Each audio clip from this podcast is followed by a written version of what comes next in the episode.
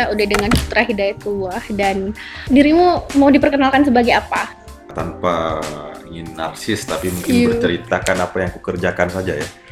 Dari dulu tertarik dengan sastra, senang baca sastra, kemudian pernah tergabung dengan kawan-kawan di Tikar Pandan, belajar menulis di Keluar Menulis Karim, senang menulis cerita pendek dan saat ini sedang membuat semacam kumpulan cerita pendek, eh, Wow. kemudian juga terlibat juga di seni rupa untuk pameran seni rupa. Pernah bikin terlibat salah satu kurator Jakarta Biennale tahun 2015 kemudian yang terakhir pameran di Museum Macan Present News. Kemudian juga terakhir terlibat sebagai harvester di Documenta 15 di Jerman. Dan sekarang menjadi dosen ya, pengajar di UIN Arab Banda Aceh. Sambil juga melanjutkan proses-proses uh, penulisan tentang seni. Jadi mungkin itu Luar apa biasa. yang kulakukan ya, tapi nggak berani juga mendefinisikan diri sebagai apa karena masih ya mungkin itu yang dilakukan selama ini nggak tahu ke depan akan melakukan apa. Oke, oke. Enggaknya oke, kita Nah. dapat bayangan ya. Ya. Nah, tadi juga eh, ada disebut soal menjadi harvester di dokumenta dan itu juga yang mau kita kepoin. Hmm. Karena kemarin itu sempat heboh. Ini aku heboh-hebohin aja juga ya. heboh. Jadi seorang Putra Hidayatullah, seorang eh, laki-laki muda dari Aceh masih muda ya. Boleh. Awet tua. laki-laki udah dari Aceh katanya mengikuti ajang internasional dan bahkan katanya salah satu ajang internasional terbesar di bagian seni rupa ya Hmm. di Jerman yaitu dokumenta. Jadi heboh nih. Wah keren sekali katanya. Tapi sebenarnya Nggak keren. kita keren-kerenin aja lah gitu.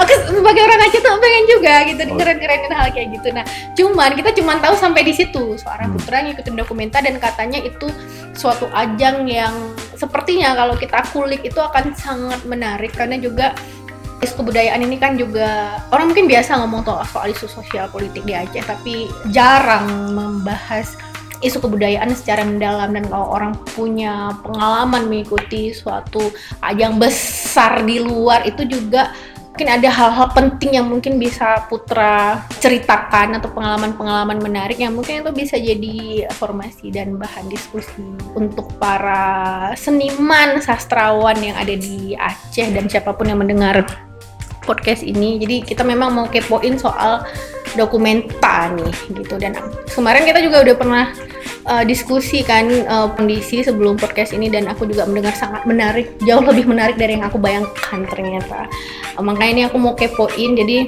yang mungkin Putra bisa cerita untuk tahap awal sebenarnya dokumenta itu apa seberapa menarik dia Ya, ya sebelumnya terima kasih. Senang bisa berbagi.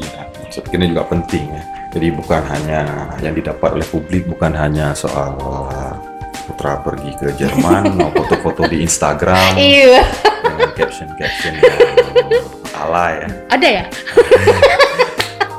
Tapi Oke. tapi saya pikir yang paling penting adalah pengetahuan apa yang bisa dibagi. Oke, ya, Jadi terima kasih banyak sudah dibe- diberikan ruang untuk sharing. Sebenarnya ada keinginan juga untuk berbagi atas apa yang saya dapatkan. Karena sebenarnya inti dari dokumenta terakhir, ya, dokumenta 15 ini adalah sharing resource.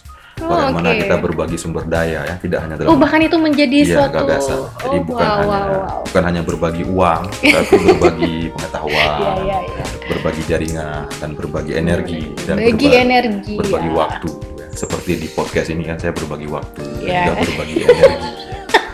Mudah-mudahan, makasih Putra mudah-mudahan juga bermanfaat. jadi amal jariah ya Atau gara-gara ini masuk surga. amin Oke, gimana gimana? Apa itu Nah, dokumenta? Jadi apa itu dokumenta? Sebenarnya kalau kita lihat secara ini ya tulisan teks tentang dokumenta, kalau Oke. kita baca kembali, dokumenta ini punya sejarah yang sangat panjang dan ini dari sejarahnya sendiri meskipun ini event seni, dia sendiri tidak bisa lepas dari politik, dari peristiwa sosial ya, yang terjadi di konteks di mana dia berada yaitu di Jerman. Jadi sebagaimana kita tahu Jerman dokumenta pertama ini dibikin tahun 1955 oleh seorang akademisi dan juga seniman namanya Arnold Bode. Nah, satu lagi temannya itu Werner Heffman, dia juga seorang sejarawan seni di Jerman. Maka jadi pertanyaan buat kita, mengapa dokumenta ini ada? Nah kalau kita lihat kembali memang pada waktu itu Jerman baru saja menyelesaikan perang, perang baru berakhir di Jerman dan Jerman mengalami kekalahan yang besar di skala perang. Dan di sisi lain Jerman juga punya semacam cacat sejarah yang hari ini mereka wariskan dan kecelakaan moral bagi generasi sekarang. Setidaknya mereka mempersepsikan diri sebagai bangsa yang seperti itu. Iya, sampai bahkan ya sampai sekarang mereka masih mempercayai. Berat sekali beban moral. beban, beban moral. Maka ada istilah Jerman Guilt, ya rasa bersalahnya orang-orang Jerman. Atas apa? Atas apa yang dilakukan oleh Hitler di masa lalu, di mana dia menghabisi juga banyak sekali ya uh, orang-orang keturunan Semit. Yang banyaknya Yahudi, tetapi yang namanya Semit itu sebenarnya bukan hanya Yahudi, tapi keturunan Ibrahim, keturunan Nabi Ibrahim. Jadi Jadi itu bukan cuma Yahudi sebenarnya ya, dibantai pada masa meskipun itu. mayoritas itu Yahudi, Ya, mayoritas Tapi Yahudi. bukan cuma Yahudi Bukan. bahkan. Ada Ah, banyak ras yang dia bantai. ada banyak ras yang Wow. lain yang dianggap tidak sesempurna seras Arya. Jadi ada semacam gagasan yang agak gila pada waktu itu itu melihat adanya ras manusia yang unggul itu hanya ada pada ras bangsa Jerman atau ras Arya. Gagasan ini disokong oleh filsuf, disokong oleh agamawan, disokong oleh oleh mungkin juga oh ya oleh ilmuwan-ilmuwan juga ya saintis. Bahkan ya. bahkan ya. Mereka punya sains juga digunakan untuk men- menyokong gagasan ras murni ini. Sehingga kalau saya pribadi sih saya melihat bagaimana betapa bahayanya gagasan menjadi murni itu. Gagasan menjadi murni itu menjadi awal kita legitimasi untuk me- membunuh orang lain atau menghabisi yang lain Itu, atau itu tuh? menyingkirkan yang lain Itu kayak mirip-mirip kalau misalnya dengar orang Aceh nih bilang bangsa Aceh bangsa terlebih aterongdonya. Jadi dirimu juga jadi agak ini ya terganggu juga ya secara ya kalau kalau kita mau kalau kita mau belajar dari sejarah ya. Cuman masalahnya kita belajar dari sejarah Sejarah. bahwa manusia tidak belajar dari sejarah. Kita mau melihat sejarah ini seperti lembaran ya, tetapi sebenarnya banyak sekali hal yang tidak harus kita ulang. Salah satunya kita bisa lihat dari Jerman itu bagaimana gagasan melihat diri tinggi, gagasan melihat diri paling sempurna, gagasan melihat diri paling unggul itu sudah melakukan bentuk legitimasi untuk merendahkan yang lain. Pada yang tahap ekstrim penyingkiran terhadap yang berbeda. Kemudian juga seperti yang dilakukan oleh Hitler Genosida, pembunuhan ya. genosida. Dan saya pikir ini satu pelajaran yang menarik dan penting untuk disadari apalagi di konteks kita hidup dengan tidak hanya satu ras tidak hanya satu Iya, etnis. iya. Jargon-jargon yang Iya. kayak kayaknya mirip-mirip ya. ya ya saya pikir nih kita harus berhati-hati dengan gagasan ini penting juga melihat apakah seni yang ada di sini melegitimasi itu atau justru menggugat itu gitu.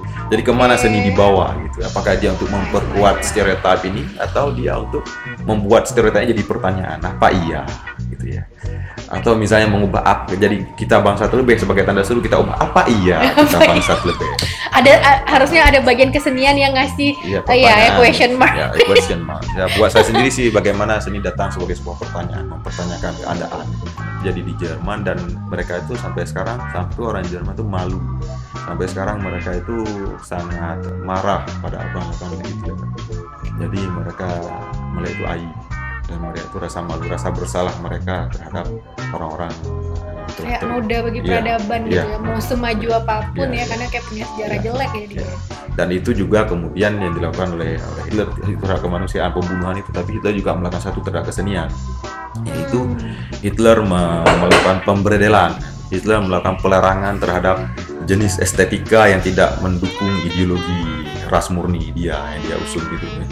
jadi seni-seni yang tidak tidak antisemit yang tidak tidak menyokong kepentingan politik dia itu dianggap seni yang tidak boleh ada di Jerman. Dibasmi dan harus dihilangkan dan dilarang. Nah, salah satunya itu apa yang terjadi di pernah terjadi di Munchen tahun 37 ya 1937 di Munchen itu ada sebuah pameran yang ditutup oleh Hitler dilarang. Dan pameran itu disebut pameran eh, Yahudi Bolshevik atau pameran Yahudi komunis Rusia ya.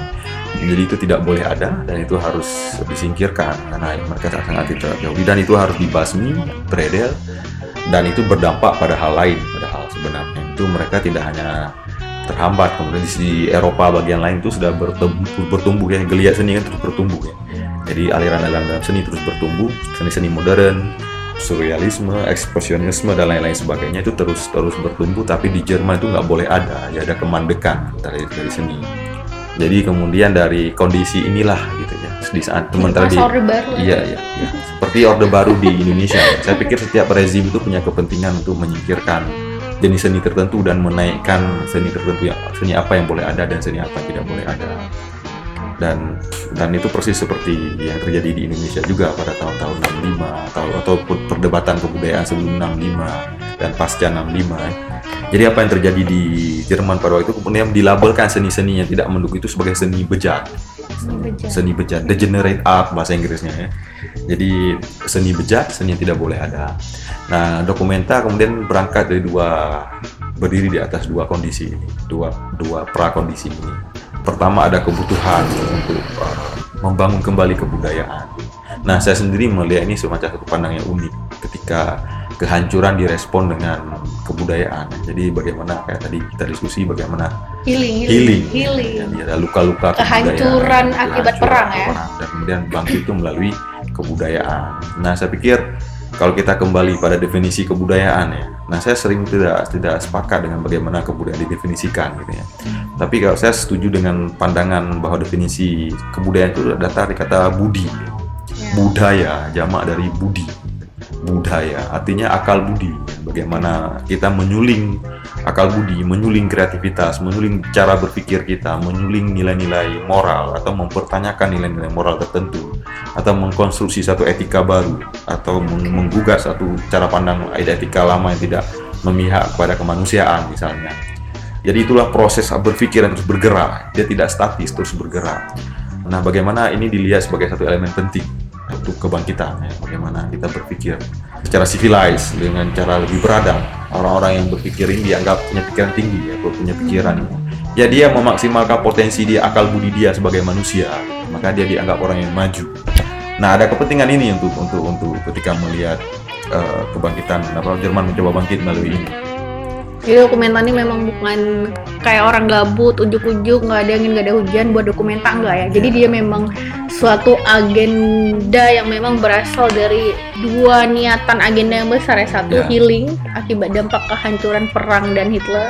Meski ada satu lagi juga, gitu. ada satu lagi soal kalau kita lihat lagi juga ada sisi politis ya. Hmm. kita perlu diskusi soal sisi politisnya apa ya Jerman ini kan sudah dikenal dengan sejarah barbarnya, gitu. hmm. jadi sejarah barbar uh, bagaimana Hitler membantai umat manusia, genosida gitu ya.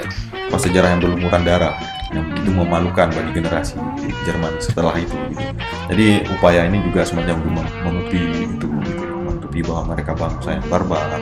Jadi dokumenta juga dibikin selain untuk healing tadi, hmm. dia juga untuk menutupi bobrok sejarah. Hmm dia lebih ke menutupi bobrok atau dia lebih ke maksudnya ingin memperbaiki kalau yang awalnya merasa sejarahnya buruk kami pengen nunjukin kami bangsa yang tidak seburuk itu kan yeah. Termasuk kayak mencitrakan ulang ya yeah. dia pengen mencitrakan dan membersihkan nama baiknya yang pernah ternoda ini kan itu memang jadi aib dan trauma yang dibawa ternyata Sampai dibawa sekarang. ke antar generasi ya. Jadi mereka ingin memutus itu dan yeah. mereka menjadikan dokumenta sebagai satu agenda besar untuk satu healing, dua soal pembersihan dan pencitraan ulang nama baik yang hancur ini. Berarti Jerman sendiri dia negara dan bangsa yang ambisius ya untuk pengen dilihat sebagai bangsa dan negara yang beradab. Bagian bangsa lah nggak peduli gitu kayak ya saya jelek ya udah. Saya buruk dan nggak bermoral ya udah. Oh apa yang terjadi masa lalu saya udah. Tapi kalau berarti Jerman sendiri cukup ambisius. Ya mungkin kalau bilang sih Jerman itu tidak tunggal juga ya. Jerman tidak tunggal ada banyak narasi juga di sana. Okay. tapi mungkin nih beberapa elit di Jerman yang mencoba melihat ini penting ya. Melihat elit di Jerman yang punya power. Tetapi fakta bahwa satu kenyataan yang mungkin nilai yang penting jadi kalau saya pribadi merefleksikan diri saya itu bagaimana kita melihat masa lalu kita. Kan kita punya kecenderungan yang kuat nih saya nggak tahu ya ada ada semacam kayak apa mungkin patologi ya semacam penyakit juga ya saya nggak tahu ya. ini masih saya masih bertanya-tanya mengapa kita kalau ngomong masa lalu itu selalu yang baik-baik? Dan kita itu nggak punya self criticism atau otokritik terhadap sejarah kelam kita. Sehingga apa yang dilakukan oleh orde baru apa yang dilakukan oleh oleh generasi sebelum apa orde-orde sebelumnya juga itu terlihat bersih dari noda gitu ya. Dan kita padahal kalau saya pribadi dalam menulis cerpen atau dalam membuat naskah film pendek atau lain saya ingin menggali sisi gelap dari diri manusia kita itu punya sisi gelap itu dan kita harus mengakui itu bahwa kita sebagai manusia itu punya potensi untuk menghabisi manusia yang lain jadi kita seolah selalu menggiring diri kita cara kita melihat masa lalu kita itu yang suci, yang paling benar, yang paling agung, yang paling tinggi dari yang lain. Saya pikir ini nggak akan membuat kita bijaksana, tapi membuat kita makin merasa dari paling tinggi dan merasa berhak untuk merendahkan yang lain. Nah, apa yang saya pikir yang menarik di sini adalah autokritik, bagaimana melihat masa lalu. Oh, Saya itu pikir- itu semangat dan spiritnya dokumenta yang Iya. harusnya kita lihat tuh sebenarnya itu ya. Tidak hanya doku, dokumenter kan terus bergerak Iya, juga, iya. tapi maksudnya dari pengalaman saya ketika berefleksi dari, dari apa yang saya lalui di di sana, saya pikir itu satu hal yang meskipun nanti saya akan sampaikan juga beberapa hal yang Iya. tidak perlu diikuti dari proses ini, Iya. tapi ini yang saya Tapi itu sampaikan. salah satu spirit penting Iya, sebetulnya yang harusnya kita bisa penting. ambil ya. Ya, ya bagaimana kita melihat diri kita sejarah masa lalu kita secara kritis sampai sampai sekarang mereka itu merasa apa yang dilakukan oleh oleh Hitler itu satu kejahatan. Tapi kita kembali lagi apakah orang Indonesia merasa apa oleh Orde Baru itu sebagai sebuah kejahatan? Mungkin hanya sekelompok orang kecil orang. Atau kalaupun itu jadi kejahatan ya sudah itu jadi masa lalu dan itu dianggap sudah selesai. Selesai. Dan kita sepertinya tidak merasa malu dan tidak perlu merasa melakukan apa pun dan kita bahkan tidak mengevaluasi apakah kita meneruskan. Atau bahkan menjadi bangga gitu kan dengan akan sekarang sebagai orang yang besar di Aceh ya saya melihat stiker-stiker enak zaman kuno itu begitu gampang ditempel di mana-mana. Tapi saya sebenarnya generasi yang hidup di Orde Baru dan saya melihat bagaimana kejahatan kemanusiaan terjadi. Nah ini satu hal yang tidak etis bagaimana kita merayakan satu, satu hal yang tidak baik bagi kemanusiaan jadi saya pikir itu satu hal meskipun ada kritik lainnya nanti juga perlu di Tapi semangatnya dokumenta di awal setidaknya ya, walaupun Ya. dia mungkin bisa jadi berubah sepanjang waktu. Makanya itu juga yang mau ditanyain soal di satu sisi dokumenta datang sebagai semangat untuk healing dan membersihkan nama baik dan kesannya kayak berusaha untuk juga menghilangkan aib dan trauma yang sampai sekarang sepertinya masih berat sekali ditanggung oleh generasi sekarang dan juga dokumenta ini sepertinya sangat purposif sekali ya. Juga dia berkelindan sekali dengan politik ya. Betul. Gitu. Karena selama ini kan terutama di masyarakat kita ya. Kan politik di sini tapi basisnya netral dulu ya. Karena kan kalau di di kita kalau ngomong seni dan politik karena politik ini udah diasosiasikan jelek. Jadi kayak seni itu tidak boleh harusnya dia jangan ikut terkotori seolah-olah. Jadi seni itu dengan politik harus terpisah. Tapi kalau di dokumenta ini nggak kayak gitu ya. mungkin begini satu juga menjadi catatan bahwa dokumenta ini tidak tunggal. Jadi ada Oke. dokumenta 15, ada dokumenta 14, ada dokumenta ya ada ada jilid lah. Oke. Dokumenta 1, dokumenta 2 sampai terakhir kemarin dokumenta 15. Dan setiap dokumenta ini punya dinamika sendiri karena dikuratori oleh orang-orang yang berbeda. Oke. Oke. Pertama itu satu tidak dia tidak tunggal. Kemudian menjadi satu hal yang menjadi soal seni dan politik ini menarik ya. Tentu kayak dibilang tadi ini bukan soal politik praktis atau Saja. saja ya. Tapi sebenarnya kalau di Indonesia orang ngomong politik selalu berkaitan dengan itu. Tapi sebenarnya ketika kita sebenarnya sudah berbicara bagaimana seharusnya masyarakat itu, kita sebenarnya sedang berbicara tentang politik. How, how society should be organized, that is politics gitu ya. Kita sudah menawarkan satu gagasan gitu. ya. Itu adalah gagasan politik bagaimana sosial lah ya, bagaimana itu diatur itu sudah bicara tentang politik sebenarnya. Meskipun kita tidak menyebutkan partai di situ. Nah, kalau kita lihat dokumenta itu kan 1955 ya. Nah, kalau kita lihat it- itu dokumenta juga hadir di tengah konstelasi perang dingin. Perang dingin itu kan antara dua kubu ya, blok timur dan blok barat gitu ya. Itu ada konstelasi ya, termasuk Indonesia di peristiwa 65 itu 1965 ya, pertumpahan darah di Indonesia juga gara-gara konstelasi perang dingin kan di antaranya itu. Dan dokumenta juga seperti itu. gitu. Di dokumenta awalnya kalau kita lihat dokumenta pertama itu mayoritas seniman yang dipilih itu adalah seniman dari Eropa Barat dan juga Amerika Amerika Utara, Amerika Serikat. Jadi Amerika Serikat dan Eropa Barat. Dan kalau di sini kita jelas-jelas terlihat ya, ya ber- berpihak ke blok mana. Walaupun katanya internasional. Ya, walaupun mereka Tapi menyebutkan itu memaknai internasionalnya ternyata sangat politis. Iya, ya, jadi Oke. mengklaim bahwa internasional itu adalah Amerika Serikat dan negara-negara Eropa Barat. Jadi kita bisa lihat di seniman dari Perancis, dari seniman-seniman dari Eropa Barat, dari Amerika. Jadi kita melihat dari bisa kita bisa melihat bagaimana eh, seni pada waktu itu ya. Dan saya belum kemarin tuh sempat diajak ke melihat ke arsip dokumenta ya, karena kemarin saya ya, riset tentang arsip dokumenta. Tapi saya belum menemu karya-karya yang dokumenta pertama. Nah saya kalau kita lihat tentu setiap event seni itu dia mencoba apalagi dokumenta dia itu menjadi alat untuk mendefinisikan bagaimana seni yang ideal itu Oh, sepolitis itu Iya, bahkan. iya. jadi jadi kalau di masa perang dingin kan ada semacam ada dua jenis estetika yang saling ber- bertuburkan gitu ya. Kalau ada yang dari Rusia dengan realisme sosialis, seni harus berbicara tentang kelas pekerja, Ya. bicara tentang kondisi sosial, kelas pekerja. Sementara di bagian Eropa Barat, seni itu nggak boleh bicara tentang itu. Seni itu harus makanya ada beberapa figur seniman yang yang digunakan oleh CIA, namanya sama Jackson Pollock ya. Dia menawarkan figur seni abstrak seni yang sangat indah gitu ya. Tidak tidak ada bentuk abstrak. Jadi semakin seni itu tidak bisa Semakin abstrak, semakin semakin bagus. Semakin dia berbeda dengan yang ada di dunia nyata dia semakin tinggi. Jadi jadi ada pertarungan juga di ada situ ya. pertarungan di situ. Dan ada institusi-institusi juga beroperasi digunakan. Institusi institusi di mana pun sebenarnya selalu digunakan untuk menopang gagasan seni tertentu.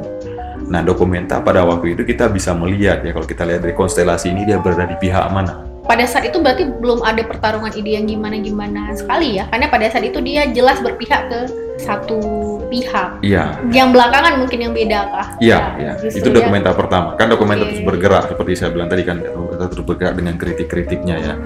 Jadi dokumenta pertama itu juga konsep internasional. Nah ini juga konsep internasional selama ini di masyarakat kita kan kalau misalnya kita ketemu antara orang Malaysia dengan orang Taiwan dan orang Arab Saudi itu nggak disebut internasional. internasional ya. Baru Ini internasional. pemaknaan internasional ini sendiri Nah. juga sangat pernah sangat tunggal dan kacau. Iya iya. Jadi kayak misalnya Dan internasional. itu pernah di pernah diambil oleh dokumenta pemaknaan internasional yang kacau. Iya awal. Oke. Jadi eh, internasional itu adalah Barat. Barat.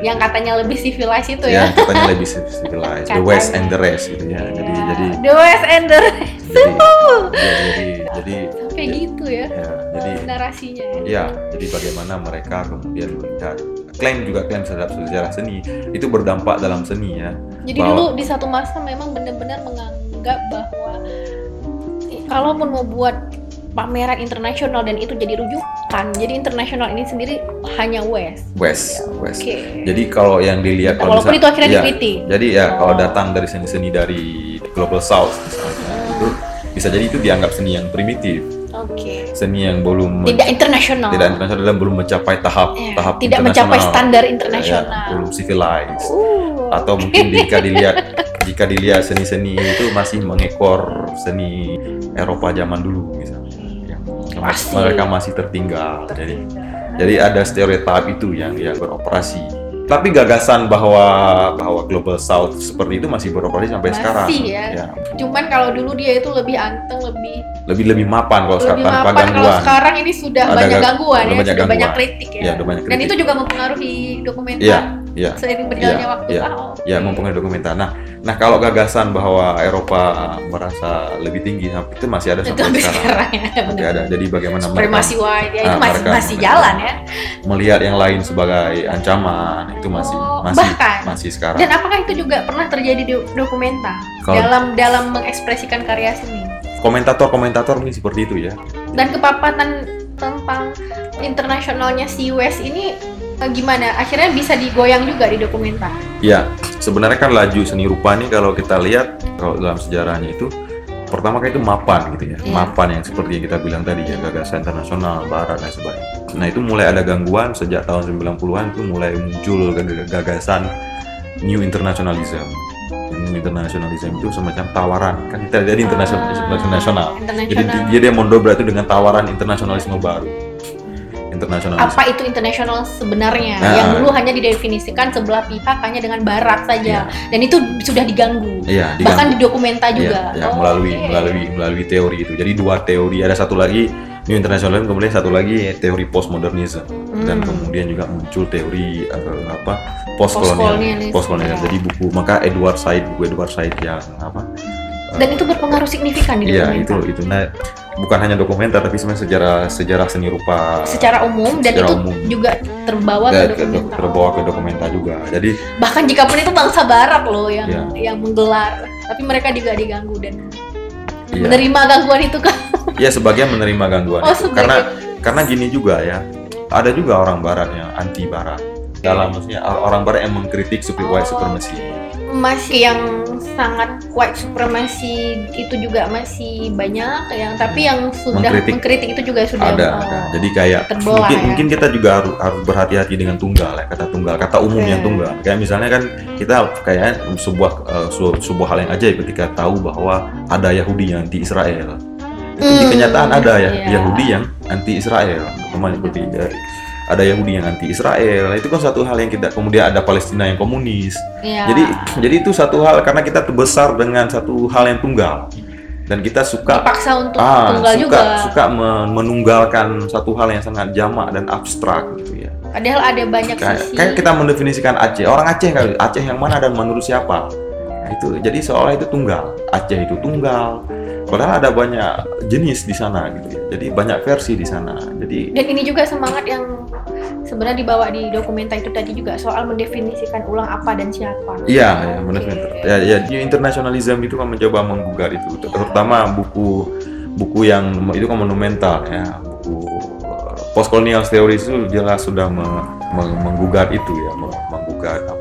Artinya memberi kolonial yang ah, memberi dampak, ya, memberi, ah, memberi dampak, intinya memberi dampak. Aku nggak bilang ini bagus atau tidak, tapi Ya. ini memberi dampak terhadap artinya kita lagi kayak di semangat postmodern itu kan menolak generasi ya narasi tunggal yang dibuat oleh paham modern bahwa seolah-olah hanya modern yang unggul dan sisanya itu jelek ya kan? Dan itu juga terbawa ke karya seni ya. Ya dan, dan perkembangan karya seni. dan saya di sini suka juga melihat bagaimana sumbangan dari sebuah. Jadi kita tidak menjadi orang yang keren-kerenan dengan teori. Tapi bagaimana sebuah teori itu bisa berdampak terhadap satu hal yang real di dunia nyata gitu ya. termasuk juga dalam kebudayaan. Eh dalam seni dalam, dalam budaya jadi kan saya juga seberapa kadang berdampaknya itu terhadap dokumenta belakangan? Sebenarnya kalau kita lihat ya ada beberapa soal konsep Disrupsi dokumenta ya. baru Ya, ya, misalnya kan membayangkan apa sih yang dikonsepin oleh dokumenta dari waktu ke waktu dan perubahannya gitu termasuk yang dipengaruhi oleh perubahan-perubahan narasi yang sangat itu kan besar sekali ya dampaknya yang awalnya sangat melihat peradaban cuman dari versi barat dan Eropa. Itu bukan hanya narasi tapi efeknya itu juga besar sekali bagi kehidupan masyarakat gitu. Bagaimana orang melihat dirinya sendiri dan bagaimana orang lain melihat diri mereka dan itu dampaknya juga ke, ke seni dan kebudayaan ya kan soal mendefinisikan ulang siapa saya dan seberapa beradabnya saya Ya. pakai standar siapa Ya. gitu jadi itu efeknya ke dokumenta terutama yang apa pergerakan dari dulu ke sekarang itu gimana sih terutama yang di, otomatis yang terutama yang dirimu ikutin belakangan Ya, kalau kita lihat beberapa teori itu memang eh, beberapa gagasan yang muncul itu juga berdampak ya. Kayak misalnya ada kritik terhadap dokumenta selama ini orang kulit putih laki-laki. gitu. Ya. mereka apakah yang dominan? Selama Iya. ini dokumenta dikuasai oleh orang kulit putih bakal laki-laki. Iya, seperti Oh. Werner Werner Heffman yang sejarawan itu, kemudian Arnold Bode itu kan dua-duanya laki-laki. Kemudian juga Apa nih kuratornya? eh, kemudian juga setelahnya juga laki-laki. Kemudian sampai kemudian pada satu titik Terus-terusan dikuasai Iya, gagasannya oleh kemudian satu titik muncul dengan kritik yang terus menerus akhirnya muncul kurator perempuan pertama. itu dampak feminisme kah? Uh, Bisa dibilang? mungkin ya, Oke. kayaknya ya, kayaknya ya, ya, ya. Dan ya bisa dibilang ya. Ya, Jadi ya kritik terhadap uh, laki-laki kulit putih, ya. Laki-laki kulit putih itu mulai akhirnya kritik terhadap itu akhirnya muncul perempuan sebagai kurator di dokumenta dan kemudian kan terus muncul kritik lagi. Ini hanya orang kulit putih gitu. Hanya acara orang kulit putih dan akhirnya kita bisa melihat ada satu turning point lagi titik balik lagi itu pada dokumenta 11 itu di ada uh, di bawah seorang kurator yang saya sendiri sangat ngefans sama dia. Saya tertarik dengan beberapa pikiran dia. Namanya Okwi and Weiser dia orang dia orang Afrika yang uh, studi di New York. Dan dia menjadi orang pertama yang menjadi kurator kulit hitam di dokumenta. Nah, dia memberi tawaran yang baru terhadap seni. Di dunia seni itu setiap kurator itu semacam ada kalau saya sebagai kurator tuh juga kadang-kadang dalam proses saya pikir sama seperti kurator-kurator yang lain juga melihat pertama bagaimana tidak hanya soal bagaimana membuat sebuah karya seni ya, tapi bagaimana ini berdampak bagi sejarah seni. Berdampak bagi sejarah Sejarah seni. Dan artinya kalau dia hanya mengulang pola yang sudah ada sebelumnya, berarti dia tidak memberi dampak apa terhadap sejarah seni. Jadi Sebenarnya bisa jadi ambisi dan para kurator ya. para kurator dan juga para Harusnya ya. ya Jadi Seberapa? bagaimana dia memberi patahan baru, patahan tidak hanya secara bentuk tapi juga secara gagasan. apalagi kalau itu bisa memberikan suatu kritik besar Iya. Nah, patahan ini menjadi penting dan makanya peran kurator sebenarnya bukan hanya memajang karya atau menciptakan sebuah ruang, tapi dia juga membangun sebuah narasi, kemudian bagaimana membuat patahan atas narasi apalagi kalau bisa kasih narasi ada. alternatif ya Ah, itu lebih luar biasa lagi dan itu bisa berdampak terhadap sejarah seni. Tidak hanya secara diskurs, tapi mungkin juga secara bentuk. Misalnya kalau selama ini fotografi itu selalu dilihat gambar-gambar hidup yang besar-besar. Tiba-tiba kurator mulai membuat sebuah patahan yang dia pamerkan adalah fotografer-fotografer yang memotret katakanlah ulat yang ada di hutan semut kecil gitu. Jadi ketika dia bikin pameran itu dan pameran itu belum pernah ada yang bikin sebelumnya, nah dia sudah berdampak bagi sejarah seni atau sejarah fotografi. apalagi dengan kalau itu dihadirkan dengan pemaknaan pemaknaan baru Ya, yang lebih progres ya, Ya, jadi, jadi tidak hanya secara wacana tapi juga secara bentuk bentuk dampak bagi sejarah sini sudah ada. Jadi sehingga Oke. sehingga kebudayaan itu bergerak, ya. dia tidak lari di treadmill. Oke, di situ-situ aja. Ah, Puluh-puluh dan beratus-ratus tahun hanya mengulang-ulang Sejak. template yang sudah ada. Iya. Dan saya pikir ada kecenderungan di beberapa tempat mungkin juga di Aceh ya, bagaimana kita mengulang pola orde baru. ya. Saya menduga seperti itu. Secara sadar atau tidak bahkan Iya, ya. Mungkin saya- kalau saya- secara sadar, secara yang kalau orde baru kan dengan cara militer- militerisme, mungkin kita tidak mengulang dengan cara yang subfrontal itu, tapi tapi dalam bentuk-bentuk tertentu ternyata kita Hmm. mengulang. Kah? Ya, iya. Ya, saya pikir kita sebenarnya para pekerja tanda kutip kebudayaan, ya, pekerja kreatif itu saya pikir punya PR yang belum kita selesaikan itu membongkar apa yang telah ditanam oleh Orde Baru. Dan menurutmu kebudayaan 30 sebenarnya punya PR di situ. Maksudnya orang kan biasanya eh, hal-hal yang terkait dengan sosial politik ya sudah gitu. Nah kayak termasuk kayak ketika dokumenter ternyata agenda sosial politik mereka itu mereka mengajak kebudayaan. Mereka ingin menjadikan kebudayaan sebagai salah satu corong, salah satu alat besar yang berpengaruh terhadap sosial politik mereka. Nah itu kan hal yang kayak masih jauh ya kalau dari apa berarti bilang Indonesia Aceh lah misalnya. Artinya kebudayaan sebenarnya punya tanggung jawab sebesar itu dan harusnya dilibatkan sebesar itu. Ya, kalau sebatas pengetahuanku ya, aku kebetulan juga meriset riset tesisku tentang kekerasan budaya di bawah Orde Baru di Aceh. Hmm, ya. Kita tuh pertama yang perlu dibongkar tuh bagaimana kita memaknai seni, bagaimana kita memaknai kebudayaan. Yang jangan-jangan masih nerusin punya orde baru Iya, juga. ya, Paling pedisnya. Iya, jadi jadi sebenarnya Orde Baru kan menggunakan institusi untuk mendefinisikan kebudayaan. Jadi institusi ini yang mendefinisikan kebudayaan seperti apa gitu. Dan itu menurut kamu kita bawa sampai sekarang. Apakah pekerja kolektif-kolektif ini bisa bekerja memberi definisi lain nggak? Atau dia masih bergantung pada definisi yang dibawa oleh Bahkan mereka bahkan kita nggak tahu apakah mereka pernah memberikan pertanyaan seperti ini ya Iya, kan? iya. Apakah jangankan beri, mereka memberikan alternatif, apakah mereka pernah bertanya apakah seni yang sedang saya praktekkan dan saya pikirkan itu jang, apakah sudah berbeda atau jangan-jangan masih sama? Bahkan melakukan refleksi itu sendiri Iya, mungkin penting. belum jadi Iya. kebudayaan juga Ya, ya. itu, itu harus menjadi bagian dari agenda. itu Hmm, bertanya. iya. Karena begini Benar. ya, saya punya satu pandangan bahwa bagaimana kekuasaan bisa berdiri 32 tahun. Mustahil sebuah kekuasaan bisa berdiri 32 tahun tanpa dia mengintervensi akal budi, akal bagaimana kita berpikir. Nah, sementara kan ketiga dalam 32 tahun kita sudah ini 20, 32 tahun loh otoritarianisme berdiri di atas kepala kita. Kita sudah mengevaluasi belum warisan-warisan selama 32 tahun ini, terutama dalam hal kebudayaan, cara kita berpikir, terutama dalam bentuk dalam seni misalnya. Atau jangan-jangan kita masih mengulang pola itu. Nah, kalau kita lihat dalam konteks Aceh mungkin salah satu yang tidak bisa dilewatkan adalah sumber pendanaan. Karena ini ekonomi kan mendefinisikan jenis Ya, seperti apa, dari mana dat- datang uang ya. Ya kalau misalnya hanya uang datang dari institusi gitu, tentu dia akan mengikuti alur itu. definisi daripada si si institusi. Yang sebenarnya itu juga pola yang, yang dilakukan oleh Orde Baru.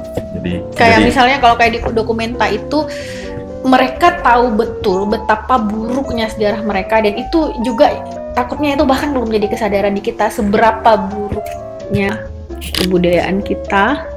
Jadi itu tadi kalau generasi Jerman mungkin mereka sudah dengan sepenuhnya kesadaran, setidaknya mayoritas mereka sudah sepenuhnya sadar bahwa bahwa sejarah mereka itu adalah aib. Itu adalah suatu kejahatan yang bahkan generasi sekarang ikut menanggungnya. Jadi dengan sepenuh kesadaran sepertinya, cuman yang jadi masalah di kita jangankan mau merefleksikan wah kita nerusin nggak ya kejahatan dan kebudayaan Orde Baru. Kita bahkan belum bisa menyerap seperti orang Jerman di bagian bahwa kita pernah melakukan kejahatan yang sangat besar pemerintah kita pernah melakukan ke, uh, kejahatan sangat besar lewat kebudayaan bahkan.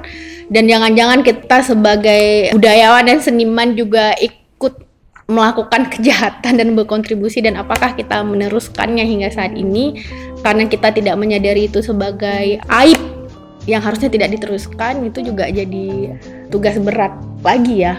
Iya, sebenarnya ada seperti saya bilang tadi memang tidak mungkin ya 32 tahun tanpa mengintervensi sesuatu ya. yang ada dalam kebudayaan kebuda dalam akal budi kita ya. So, Saya sebenarnya lebih senang menggunakan istilah akal budi, lebih lebih jernih ketimbang budaya yang sangat pendefinisiannya sudah sangat termasuk Orde Baru juga punya versi definisi kebudayaan Oke. versi dia sendiri ya. Ya kalau dalam definisi Orde Baru mungkin kebudayaan itu ya Candi Borobudur, Tari Sama, yang sifatnya itu conserve, itu conserve, itu Iya. merawat dan sebagainya. Tapi sebenarnya akal budi itu kan satu yang dinamis bergerak Iya. dan dipertanyakan, digali ulang, disuling ya. Jadi kalau kita melihat memang sebenarnya masih banyak PR, masih banyak hal yang mungkin kita hari ini ujuk-ujuk mengatakan ini budaya Aceh gitu ya. Jadi seolah itu kita mengabaikan satu sisi bahwa dalam perjalanan sejarah dalam tanda kutip akal budi kita itu kita melewati fase kediktatoran. Mungkin di situ juga kita punya masalah dengan kritisisme masyarakat kita dengan kritisisme sangat berjarak gitu ya. Ya ini saya selalu lihat ini ada beban, ada maksudnya ada PR yang harus dipertanyakan ulang bagaimana pola-pola Orde Baru. Karena saya dua tahun, empat tahun lalu saya ketemu dengan salah seorang seniman Aceh, seniman senior di Jakarta. Sekarang beliau di Jakarta. Jadi ada sebuah statement yang hari ini masih masih menjadi pertanyaan juga buat saya. Jadi beliau pernah mengatakan dalam hal kesenian Aceh adalah murid terbaik Orde Baru. oh ya Jadi menurut pendapat dia Aceh adalah murid terbaik Orde Baru dalam hal kesenian dan wah buat saya pribadi ini masih sebuah pertanyaan dan saya pikir ini wa membawa saya juga untuk mempertanyakan apa Hmm. bagaimana hubungan Orde Baru dan warisan Orde Baru dari cara kita berpikir apa yang ya mungkin bagaimana ini berdampak terhadap peng- pengkaryaan kita atau kegiatan Hmm. kebudayaan kita tadi ada iya ada semacam bagaimana kita membangun jarak dan melihat kembali gitu uh, terhadap kondisi itu. Tapi buat saya itu satu statement yang lumayan kalau istilah orang uh, ini thought provoking ya, lumayan mengganggu Iya. dan membuat saya berpikir gitu. Saya pikir perlu banyak-banyak juga merenungkan soal ini. Karena di sisi lain juga ada sebuah pernyataan juga bahwa di tempat kita seni tidak menjadi semacam kalau nggak salah saya dia menyebut epistemologi. Jadi seni nggak bisa atau mungkin terlalu nanti saya khawatir ter, pembahasan kita jadi ke arah Iya. epistemologi tapi Iya. intinya yang saya tangkap seni tidak menjadi sebuah bah- bahasan kajian gitu Oh. jadi kayak tidak ada wacana tidak menjadi sesuatu yang diskursif Hmm, oke. jadi pada akhirnya terjebak eh, dalam seremonial ya Hmm, saya pikir ini juga menjadi satu hal yang nggak tahu kita apakah kita butuh banyak eh, kita di, di Aceh memang eh, tidak di Indonesia bahkan ya seja- sejarah jurusan sejarah seni masih sesuatu yang sangat jarang ya di universitas Oke. dan lain sebagainya. Mungkin kalau dari refleksi itu, itu Iya, meskipun iya. sebenarnya kalau saya juga kemudian waktu saya di Kassel tuh di Jerman saya sempat ikut kuliah dengan John Rosa. Wah. Nah, hmm. John Rosa itu menyampaikan kuliah tentang sedikit banyaknya Jerman juga terlibat sebenarnya dalam waktu Soeharto dulu Jerman juga ikut terlibat dalam backing kan itu Western Power ya Western Power Inggris Amerika Iya. dan Jerman juga terlibat dalam peristiwa di Indonesia gitu Bahkan itu juga kamu dapat dari kuliah waktu di kuliah singkat di ya, dokumenta. ya. Wow. jadi jadi Seserius itu pembahasan di dokumenta. Iya, jadi jadi sebenarnya kembali lagi kalau saya senang sih art for life gitu ya. Seni membahas tentang kehidupan kita. Jadi bukan hanya Hmm. satu sisi bicara apa yang kadang-kadang juga tidak adil, dia hanya sesuatu yang visual yang indah dilihat mata. Jadi Oke. seni itu kan juga bicara tentang hidup kita lah, bicara membawa kita pada perenungan, membawa kita pada pertanyaan-pertanyaan akan nilai-nilai hidup yang kita jalani atau mungkin interpretasi baru ya, atas satu hal yang yang kita anggap sudah final, sudah Iya. final. Jadi perlu seperti kita merefleksikan kembali terhadap Orde Baru misalnya atau bagaimana kita seperti kita melihat dokumenta. Jadi kalau di luar kritik itu terus terjadi ya sampai di Jerman sendiri ada kritikus terhadap namanya Annie Burman. Dia mengkritik dokumenta juga. Oh ya. Dari uh, ada semacam review yang kritis Oke. terhadap terhadap sejarahnya sendiri. Jadi, nah satu ini satu hal yang saya pikir menarik juga ya. Maksudnya kita nggak melihat masa lalu sebagai sesuatu yang agung, yang, yang Hmm. harus dipuja dan puji gitu ya. Tapi kita harus melihat masa lalu dengan kritis gitu ya. Jadi, jadi maksudnya ya ada satu titik titik dan mungkin nggak tahu kita selalu melihat masa lalu itu yang kalau ada yang buruk-buruk nggak dibicarakan. Sehingga ini berpengaruh bagi cara kita melihat diri ya. Sehingga kita menjadi paling suci paling benar paling dan menjadikan masa lalu sebagai apa, model yang diulang hari ini. Jadi patah nggak tercipta patahan-patahan yang baru. Termasuk dalam berkarya ya. dalam berkarya. Jadi memang ya oh, unik ya soal dokumenta itu bahwa di satu sisi dia kesannya seperti ajang kebudayaan dan kesenian untuk menutupi dosa-dosa masa lalu, tapi di sisi lain dia juga menjadi tempat bagi para seniman untuk terus eh, merefleksikan kebudayaannya juga ya. Ruang itu juga tersedia di dokumenta, terutama dokumenta terakhir itu iya bisa dibilang kayak gitu. Dia Iya. lebih ke mana sih?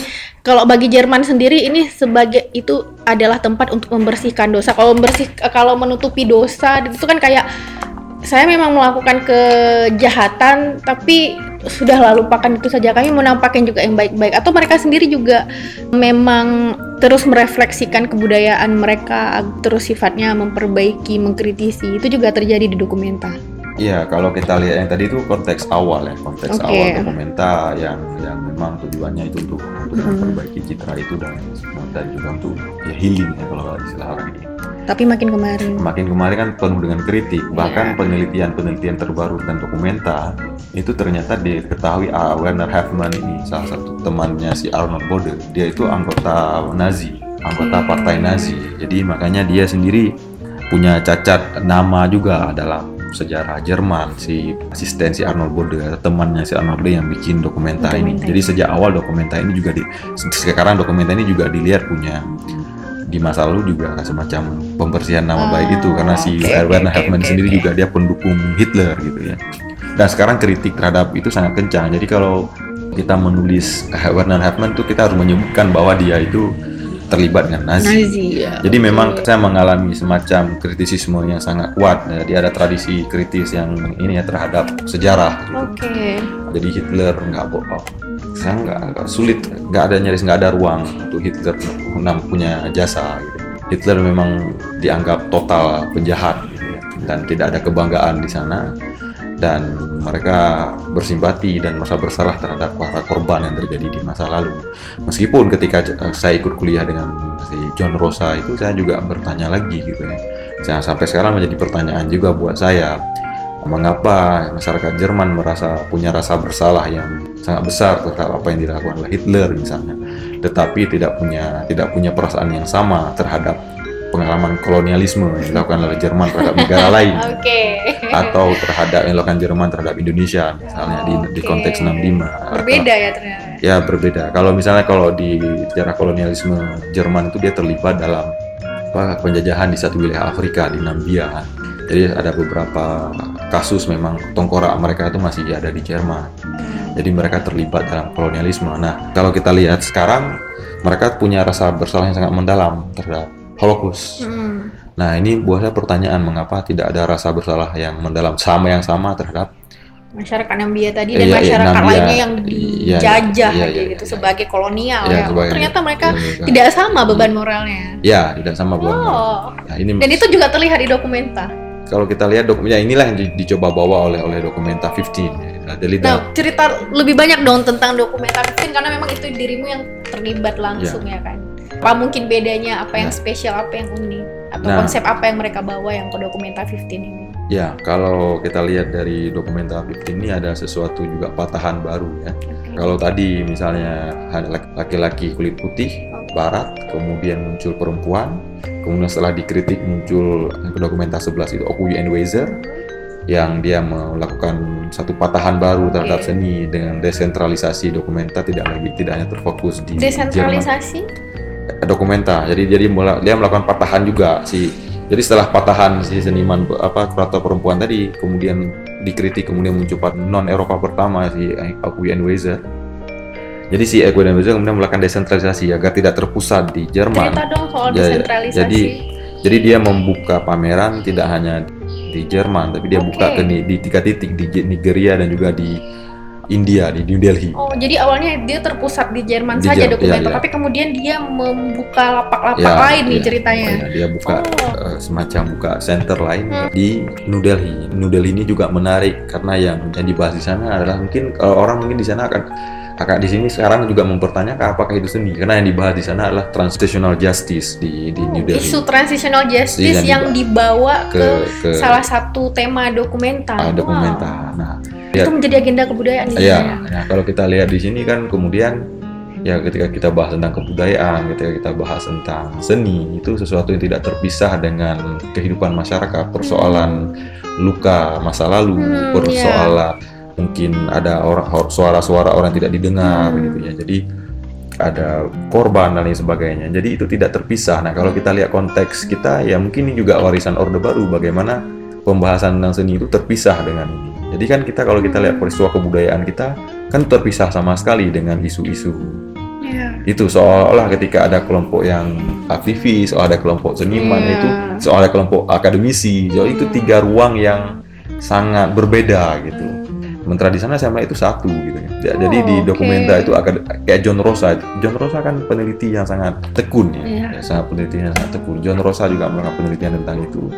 Karena dia sebagai akademisi, kemudian datang juga seniman dari dari Palestina, seniman dari dari berbagai macam belahan. Jadi seniman, akademisi, aktivis, jadi semuanya itu terkumpul dalam satu ruang. Dan di sana membahas persoalan manusia yang, yang kita alami. Waktu UNWZ itu bicara tentang transnational justice, bicara tentang persoalan-persoalan postkolonialisme Hmm, di, di, wow. di, di 2000 apa 2000 berapa itu ya 2011 Pak? Hmm. dokumenta 11 itu nah itu terjadi waktu masa Aguian Weser sekarang Agui udah meninggal baru aja Wah unik ya karena Aceh juga wilayah yang sedang dalam status transitional justice, wilayah postkolonial mungkin bukan cuman Indonesia dan Aceh tapi transitional justice dan kerennya mereka sudah membawa itu ke agenda kebudayaan. Tapi kalau di kita kayaknya belum ya.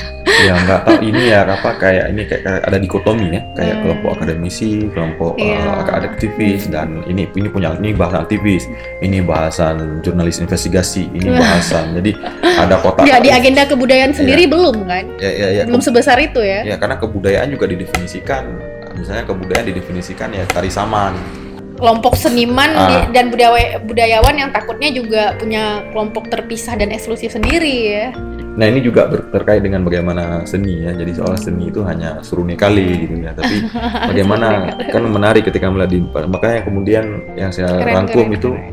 bahasan Iya. tentang seni pada pada akhirnya adalah bahasan tentang kehidupan ya. Apa persoalan-persoalan yang kita alami misalnya katakanlah lima tahun terakhir apa persoalan-persoalan kita misalnya ya itu dibawa ke dalam ruang. Nah, yang menariknya itu terjadi di masa Orde Baru di Aceh waktu PKA itu agak anomali yang seperti itu ada di masa Orde Baru meskipun dia framing ke arah Hmm. pembangunan kepentingan pembangunan tapi Oke. ada ada ruang berbicara ada ruang diskursif ada pemakalah ada penanggap jadi yang pemakalah itu me- menampilkan mempresentasikan persoalan-persoalan di Aceh jadi persoalan apa yang kita hadapi saat ini misalnya apakah misalnya hari ini persoalan land grabbing perebutan lahan misalnya atau persoalan misalnya katakanlah stunting misalnya Hmm. katakanlah persoalan prostitusi katakanlah persoalan ke- ketimpangan sosial misalnya soal ekonomi misalnya itu hadir dalam pembicaraan ruang-ruang kebudayaan yang itu jarang ya. Saya nggak tahu apakah saya kalau saya lihat pembicaraan kita terakhir tentang entah itu kayak di pekan kebudayaan entah di mana itu kayak kebudayaan itu satu yang lain gitu. ya kebudayaan ya ya seni kali gitu ya kebudayaan ya tari saman Sama, gitu. jadi ada satu dikotomi yang yang sebenarnya saya pikir juga ini warisan dari orde baru kan yang mungkin PR-nya adalah di sini gitu bagaimana Kalau di India tiba-tiba dokumenter bahas transitional justice udah maju sekali ya gitu. Dan itu kan kena sekali dengan Aceh ya. Aceh juga lagi transitional justice nih gitu. Tapi kita belum segitunya membawa agenda transitional justice ke kebudayaan ya ya bener PR PR Nah itu kan patahan, patahan yang Hmm. dilakukan oleh Wi and Weiser. gimana dengan patahan yang dokumenter Nah, terbaru nah, yang menarik mungkin nah, di sini sejarah seni bekerja. Jadi bagaimana kita membuat patahan-patahan. Nah, seorang kurator itu membuat patahan-patahan itu ya. Nah ini ada terjadi patahan baru. Kalau Oke. tadi kan orang orang non Eropa pertama. Oke. Nah kemudian sekarang dokumenta 15 apa yang menjadi titik balik di Dokumenta Patan Dokumenta 15 lah ini untuk kali pertama dalam sejarah Dokumenta dikuratori oleh kolektif, oleh komunitas. Yang sebelumnya itu adalah tunggal. Dulu kuratornya satu, tapi Satu. ini rame. Oh, Jadi kuratornya adalah kolektif, ruang rupa. ya. Itu nama Oh, nama- nama, kolektifnya nama itu kolektifnya eh, Ruang Rupa. rupa. Jadi bulan kuratornya. Ya, ya. Jadi mereka yang ini itu kali pertama dan di Asia Tenggara baru ini. Jadi selama bertahun sejak 1955 sampai sekarang itu nggak pernah itu dari Asia dari. Asia, bahkan Asia. Bahkan Asia. Ya, ya kan selama dari Asia belum pernah. Kemudian baru pertama kali dari Asia Tenggara dan kolektif. Nah, inilah patahan pertama. Makanya sebenarnya sangat masuk akal ketika mengapa orang tidak tahu dokumenta.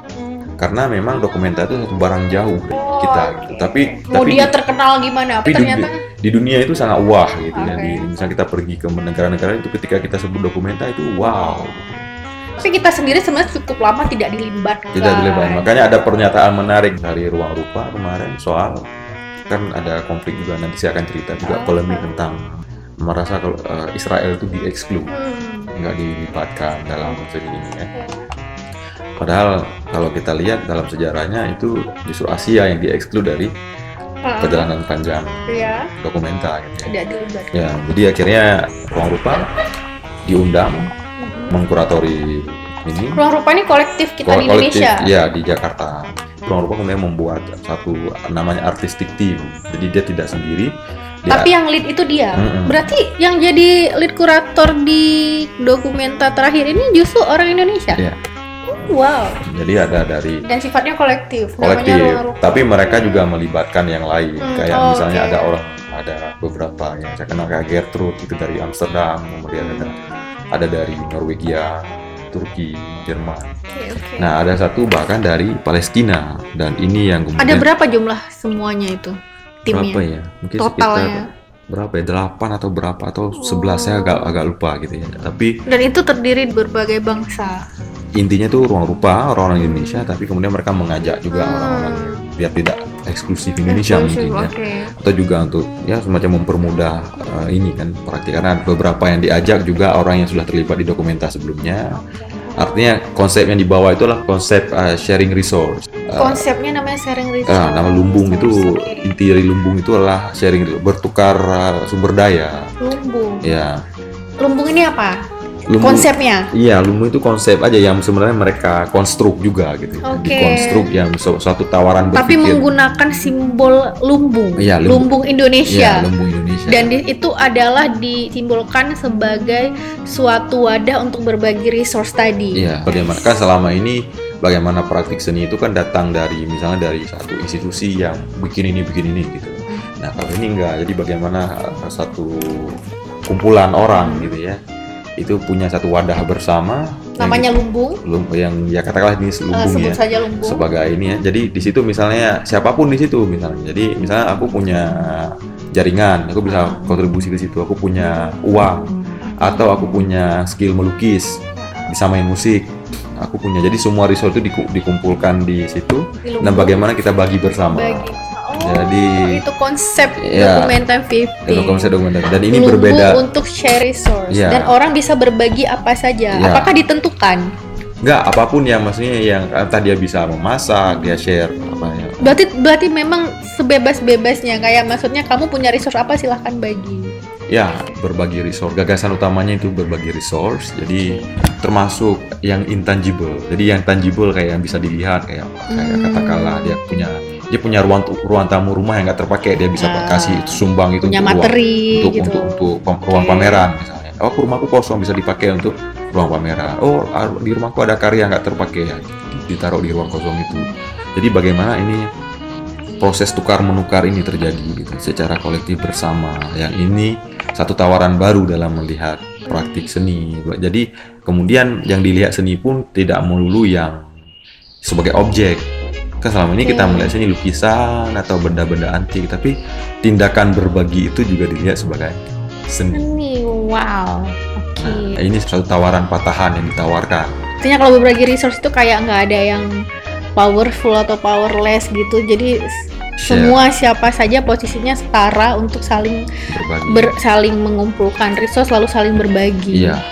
seniman-seniman yang terlibat untuk berkarya itu dari mana aja yang boleh sebenarnya ada yang hal yang berbeda juga gitu ya. Kalau selama ini ketika yang diajak dalam seniman dalam dokumenta itu kan nama-nama besar seperti Mm-mm. Ai Weiwei, seniman dari Cina. ditentukan ya Ditentukan. Jadi sebenarnya ada mitos sebenarnya, ada semacam stereotype anggapan bahwa setiap seniman yang diundang ke dokumenta itu akan menjadi orang yang kaya raya. Jadi Wah, ada semacam stereotip seperti itu karena ia akan jadi punya nama besar, oke dia akan diundang ke sana kemari oke uh, dan dia pamer di, di- diumumkan di satu media yang megah gitu ya. Oke. Uh, sehingga itu wah. Nah, kemudian yang dilakukan prestis sekali prestis sekali, ya, sekali ya privilege sekali dan biasanya seniman individu dengan Oh, biasanya capai individu. dengan dengan capaian jenius dia ya.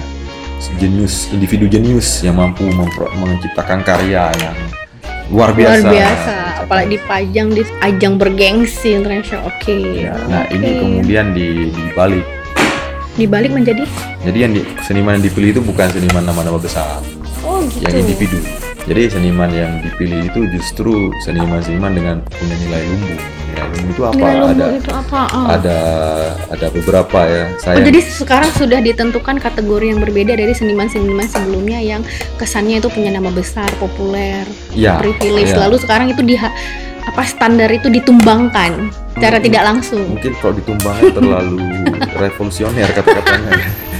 Bukan ditumbangkan ya, mungkin diberikan Karena kan di- karena diberikan standar baru ya, kan. ya, diberi patahan baru, Iya. satu patahan baru dan saya pikir satu hal yang memang seharusnya terjadi dalam dunia seni ya. Dia bukan mengulang, tapi Iya, ha-ha. dia membangun satu Ya tawaran bisa lah dibilang dikasih standar baru ya, Ya, eh, yang berbeda, yang lebih progres mungkin. Ya mungkin ya Iya. dan meskipun kita masih bisa bertanya ya progres Oh, menurut siapa dan progres siapa. bagi siapa. Nah, Niatnya tapi sebenarnya seperti itu ya, ya. ini memang memang juga semangat sebenarnya kalau kalau aku lihat nih sema- semangat untuk kritik juga ya semangat kritik. Walaupun nanti itu kita bisa kritis. Ya, bisa Si balik dan ya. itu kayak Oh, ini oke, kan mirip-mirip kayak tesa antitesa Yes, dan yes, sintesa. yes. Jadi Oke. jadi apa yang dikritik selama ini yang dibawa oleh ini kan satu karya individu jenius tapi kemudian dipertanyakan di situ apa makna individu jenius ini bagi bagi society bagi komunitasnya gitu jadi kadang ada orang dia jenius sendiri tapi apa jenius ini berdampak bagi orang lain Hmm, iya. bagi orang di sekitar gitu. Jadi itu yang di- dipertanyakan. Nah, akhirnya kemudian muncul satu, salah satu nilai nilai lumbung yang dipilih itu yang punya local anchor. Local anchor itu maksudnya dia punya suatu hal yang sudah tertanam di konteks di mana dia tumbuh.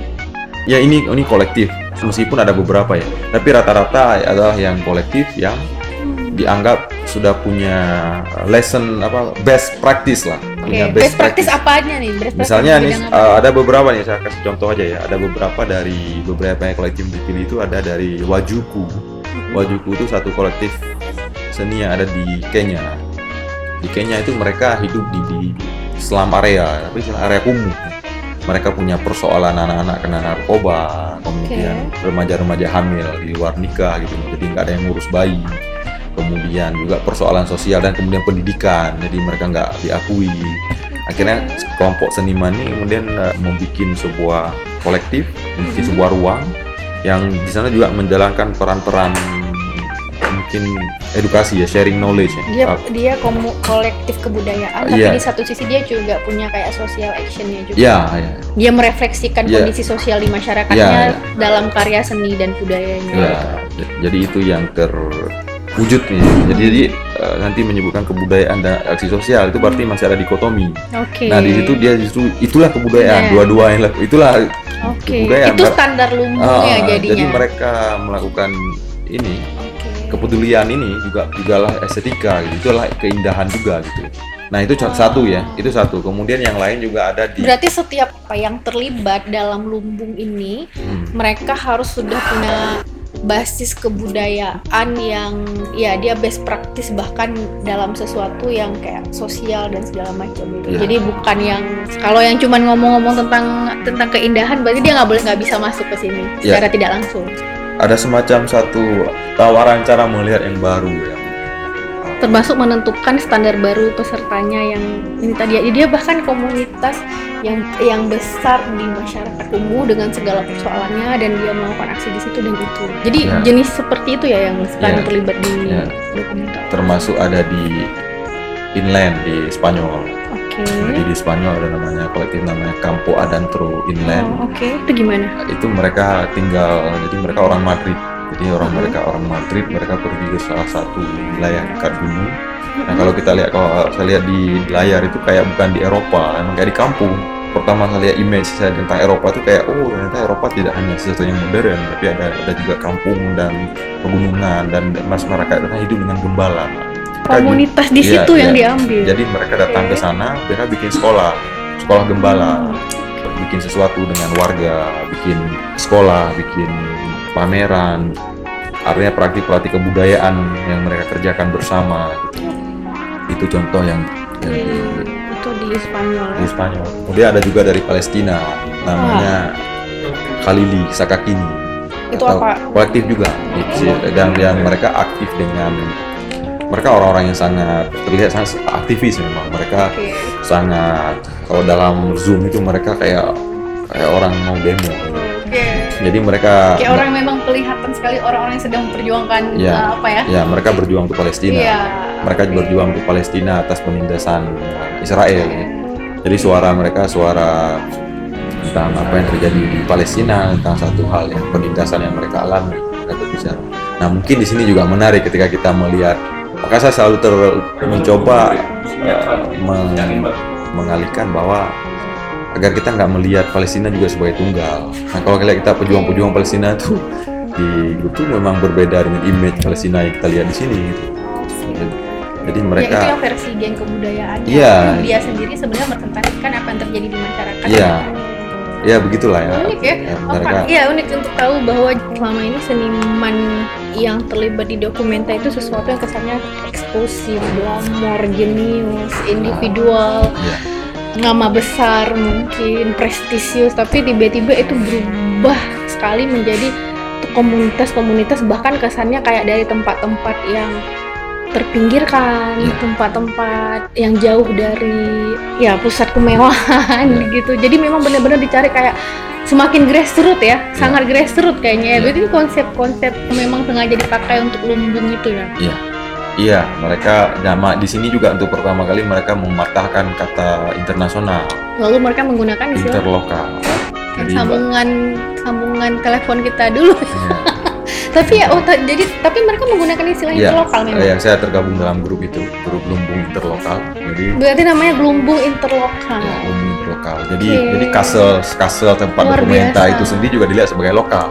Jadi, Jadi ini bukan lagi antar bangsa karena bangsa itu sendiri kan jamak ya terdiri dari sangat banyak lokal- jenis lokal. masyarakat yang sangat berbeda nilai dan praktek lokalnya. Tapi Iya. ini benar-benar mereka mencari masyarakat yang super lokal, saling berbagi eh, lumbung di situ dan bahkan menyebutnya bukan dengan internasional lagi, tapi Interlokal. interlokal. Oke, keren. Jadi nilai-nilai lumbung tuh apa aja sih? Nah, eh, saya nggak bawa catatan ini, Oke. tapi tapi mungkin beberapa yang ada di Ah, boleh boleh yang Tapi- aja boleh deh. Tapi salah satu yang pertama itu local anchor. Bagaimana dia punya akar, bukan akar apa istilahnya, punya satu titik pondasi dalam sebuah kayak tadi kan dia dari Madrid ke wilayah inland tuh di wilayah Hmm. kemudian yang di Palestina dia punya Dia ber- udah punya akar kebudayaan dan sosial yang sangat udah- kuat udah di situ. tumbuh di situ. Maksudnya udah udah ada dia juga memberi impact terhadap di sekitarnya. Ah, Bukan kayak orang yang buat karya sendiri di rumahnya nggak jelas basis Iya, iya. basis sosial dan kebudayaannya gitu itu nggak ya dia harus apa istilahnya ya lupa ini keren itu Ya, tadi ada- ada akar basisnya itu ya Kalau dari Kolombia ada yang menarik juga namanya Mas Arte Mas Action. oh itu gimana Nah, itu juga seperti itu. Mereka ting mereka berpindah ke sebuah wilayah dekat gunung. Di, di sana Hmm. mereka hidup dengan warga namanya wilayah Koko kalau nggak salah saya. Hmm. Jadi di wilayah itu mereka hidup. Jadi itu. Jadi ada semacam konteks lumbung Mm-mm, nah, dengan para kolektif. mm-mm. Nanti kalau ingatkan saya nanti ada juga namanya lumbung publishers. apa itu Lumbung publisher itu dibikin lumbung lain juga tempat bertemunya para publisher, penerbit. Jadi kalau dari Hmm. Indonesia itu margin kiri. oh Jadi ya jadi semua publisher-publisher di seluruh dunia, Ya. termasuk di Argentina, di Mesir. Yang mereka juga sudah punya basis itu ya, tadi mereka udah punya. Jadi kan mereka, nah di sini kalau saya oh diskusi udah bahkan ada sama lumbung publisher yang Ya, untuk yang- dokumentanya juga ada yang gitu buat saya pribadi satu hal yang sangat baru ya, karena saya, saya pribadi melihat publishing itu sebagai industri. ketika saya tergabung dalam lumbung Hmm. publisher ini Apa yang jadi, beda? jadi sadar itu bahwa buat mereka publishing publisher itu adalah aktivism jadi itu mesin pengetahuan jadi Dan itu bisa dibuat di mana saja tanpa harus industri besar seperti Iya, yang iya. dikonstruksikan selama ini. Jadi kalau di kalau di Mesir itu ada namanya Mesir dan Yor- Yordania. Aku lupa bahasa Arabnya, tapi Hmm. kalau bahasa Inggris diterjemahnya di how to. Jadi misalnya mereka bikin panduan kayak buku, misalnya how to say apa misalnya. Bagaimana bagaimana cara membongkar mental budak dalam dirimu. Wow. Jadi jadi dia bikin kayak guideline kayak buku Oh. kecil. Nah, itu dia bikin jadi macam medium aktivisme, penerbitan Hmm. itu sebagai medium aktivisme. Mungkin kalau saya jadi terbayang ingat nggak kayak kalau dulu di di setiap selesai Jumat tuh ada berselebaran selebaran kayak gitu. organisasi nah, tertentu. organisasi tertentu gitu kan yang mencoba Oke. mempengaruhi ideologi. Dan mereka mau mau nyebut ya itu juga publishing. Itu Iya, masalahnya. tapi yang yang mereka bikin itu buku, rara buku Hmm. kayak kayak Mbak Kiri. Termasuk kan salah satu sastrawan Aceh Azhari Ayub kan diterbitkan karyanya di Lumbung juga, Lumbung Stories nama judul bukunya ada diterbitkan. Jadi ini sifatnya lumbung mengumpulkan. Jadi kan semua jadi karya Azhari itu yang salah satu cerpennya itu bisa di, dicetak di sini dibaca oleh Kak Put oleh Martin Kiri di, di Spanyol dicetak oleh penerbit lain kemudian jadi itu tinggal dibagi file saja tapi orang ini distribusi pengetahuan Bener-bener bagi resource. Jadi saya punya pikiran, saya punya karya. Nanti yang sebelah sana punya publishing yang walaupun itu uh, publishing bukan versi industri tapi justru kayak publishing rakyat Iya, gitu ya. iya, iya. Ah, nanti tinggal bagi. oh. Nah sekarang eh, kabar baiknya sekarang sudah punya publishing bersama mesin jadi beli kalau nggak salah harganya kayak satu miliar lebih kayak mahal sekali sekarang mesinnya dibawa dari Kassel dari bawa ke Barcelona jadi itu mesin lumbung publisher sekarang tuh cetak buku bisa ke sana mesin itu. Jadi itu terkonek semua publisher dari situ. Jadi itulah kebudayaan kan pengetahuan akal budi gitu ya. Jadi apa bagaimana sharing gagasan sharing tawaran baru cara kita melihat kenyataan bagaimana saling belajar. Nah, sebenarnya tujuan lumbung tadi dikumpulkan tadi lumbung interlokal tadi itu juga selain yang publisher ya juga bagaimana terjadi tukar menukar strategi, tukar menukar pengetahuan dengan konteks persoalan yang sama. Misalnya kita punya keterhubungan yang menyatukan kita yang sama, misalnya persoalan kapitalisme. Kemudian juga di beberapa konteks terutama dari global south luka luka kolonialisme yang kita alami bersama gitu ya. Apalagi dengan konteks pandemi misalnya. Iya. Jadi kalau kita lihat konsep lumbung apa konsep yang kemudian bagaimana hidup bersama saling sharing ini sangat relevan ketika dikaitkan dengan konteks pandemi ya kan selama ini kita individu misalnya Iya, itu kayak mengkritik individualismenya modern dan barat juga ya gagasan itu. Karena kita yang masih hidup di masyarakat kolektif itu mungkin hal yang biasa ya, nggak ada yang istimewa ya dengan so what dengan kolektivisme, dengan saling berbagi resource itu memang kehidupan kita sehari-hari. Tapi kalau untuk barat itu justru sedang mengkritik habis-habisan praktik yang maksudnya ke- di tempat-tempat tertentu itu kan udah sangat individual, udah sangat materialistik segala sesuatu. Ya kalau saya punya materi atau saya punya uang baru saya akan berbagi sama kamu. Kalau enggak ya enggak gitu. Tapi dan itu justru kayak apa ya kritik dan sindiran besar untuk ini ya modernisme yang diagungkan juga ya. Dan itu dibawa ke dokumenta iya. Dan tapi yang bawa juga orang-orang kita ya iya kita agak berat membayangkan itu Iya. diformulasikan oleh orang barat yang memang standar nilainya udah jauh kali kan Iya. Dan sebenarnya lumbung itu bukan konsep berbagi itu bukan hanya khas punya Indonesia ya. Jadi sebenarnya kalau kita lihat dalam kebudayaan lain seperti di Afrika ada namanya uh, Ubuntu. Kalau di Latin mungkin juga Eh, yang masih ya pokoknya lupa. masyarakat masyarakat yang masih kolektif inilah ya di Hungaria ada namanya di bahkan di Eropa di Hungaria ada namanya Kalaka kalau nggak salah. Kemudian di Mali juga ada, aku lupa namanya. Jadi sebenarnya bukan satu konsep yang khas dari Indonesia, Indonesia. atau meskipun di Indonesia juga masih bisa. Hmm. Intinya intinya sebenarnya bukan mencoba untuk kembali ke masa lalu juga, tapi bagaimana Nah, tapi itu kayak itu dia kritik terhadap individualisme karena itu juga men- ketika dirimu bilang ketika pandemi itu praktik individualisme itu kan terasa sekali sangat dia jadi bumerang tersendiri kan gitu. ya intinya makin relevan ya ketika konteks Hmm, ini ya sharing. Konteks ah. konteks bagaimana kita sharing. Nah kalau kita refleksikan ke ke ini juga sebenarnya kalau tadi kita ngomong barat nih misalnya, ya, kita bisa refleksi ke diri kita sendiri juga gitu sebenarnya. Memang kita hidup di masa kaum komunal misalnya di konteks Aceh, tapi apakah ini terjadi misalnya? Kita lihat kalau di sini saya lihat kontestasi antar komunitas itu juga tinggi. Maksudnya QE-nya juga tinggi gitu. iya jadi iya kalau buka- ya jadi kan ya- kita sudah mulai teracuni jadi bukan malah kita di kelompok sana ada kemampuan apa, yuk kita undang kita belajar dari dia. Oh di kelompok dia dia ada kelebihan apa. Ini tapi yang terjadi ketika si ini sudah tergabung misalnya datang sekali ke kelompok sana dia udah jadi bagian sebelah sana bukan orang kita Hmm. lagi. Jadi gesekan-gesekan itu ada di tempat kompetisi kita. individualisme Namun- udah tinggi. di tempat kita ya di komunitas-komunitas kita. Jadi seolah ada semacam kontestasi ideologi yang apa. Tapi kalau kita lihat nggak ada ideologi yang berbeda-beda amat juga tapi masih agak aneh ya. Maksudku ini juga PR juga ya selain kita PR tadi orde baru Hmm. PR di kita juga itu bagaimana kita mau berbagi dan menghilangkan ini ya. Oh ini acara dia nggak mau datang. Oh ini acara kami. Hmm. datang. Kalau kamu nggak mau datang ini, ini dia orang apalagi mengklaim ini orang-orang si ini. Ini orang-orang si itu. Jadi seolah kita senang dengan othering. Othering itu apa istilahnya meliankan. Ya. Kenapa nggak melihat ini dia punya skill menulis yuk kita ajak dia belajar dari dia. Oh, dia punya skill mem- memasak. Yuk ajak dia sebagai kita undang dia sebagai memasak jadi yang terjadi bukan justru kontestasi. Kalau di sini kan ini juga PR sebenarnya. PR saya lihat. Kita UE itu ya UE itu sudah itu Dan- self otokritik yang sangat penting dilihat seberapa kuehnya kita gitu ya. Sebagai individu dan sebagai kelompok terhadap yang lain. Atau Kue- juga itu kalau kita Indonesia ini apa sih ya kueh Heeh. kueh aku nggak tahu terjemahan yang pas loh saya bisa benci juga nggak terlalu juga nggak merasa nggak nendang kalau terjemahannya. Itu memang kueh udah pas itu nendang rasanya dan dan dan itu bagaimana kita memutuskan mental itu.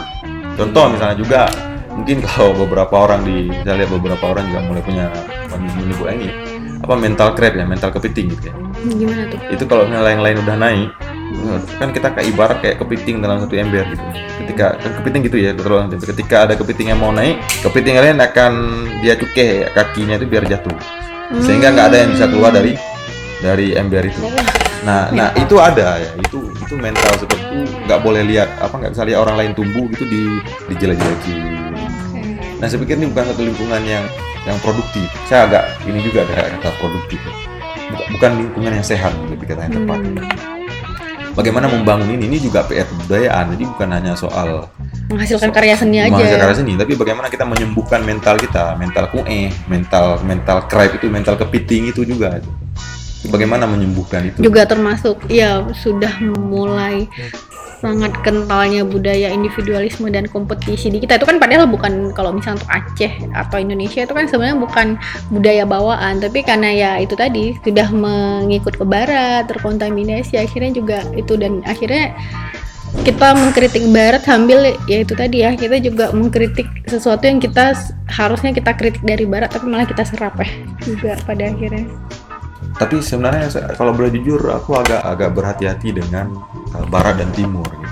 karena barat sendiri tidak tunggal juga ada ragam praktik di sana di timur juga kalau kita ngomong timur Dubai Iya. sekarang gimana Le- Iya. Dubai Lebanon itu bahkan dapat julukan Paris of Middle East ya. Parisnya Middle East ya. Parisnya Timur Tengah gitu ya.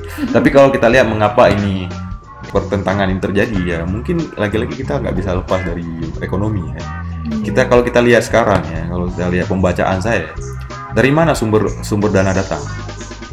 Kalau ada satu sumber dana kemudian ada 5 atau 15 orang untuk merebut itu maka pasti akan terjadi persaingan kan?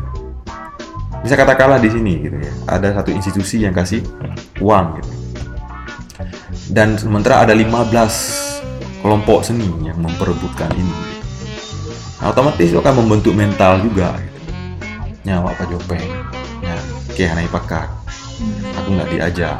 Nah itu kan udah mulai terjalin kontestasi. Karena maka penting juga melihat mesin ekonomi juga di masing-masing komunitas. Kalau saya lihat apakah di Aceh sudah ada komunitas yang punya mesin ekonomi masing-masing? Yang dia bisa survive dengan mesin ekonominya. Nah kalau kalau kita lihat mungkin saya saya pribadi ya memaknai progresif itu bukan hanya lagi dari sisi gagasan atau isi karya kan ada lukisan yang sangat progresif Iya. tapi kalau saya sendiri melihat progresif sekarang bagaimana komunitas ini mampu membangun satu mesin ekonomi sendiri mandiri yang mandiri. Nah itu sudah cukup progresif meskipun yang dia gambar bunga misalnya.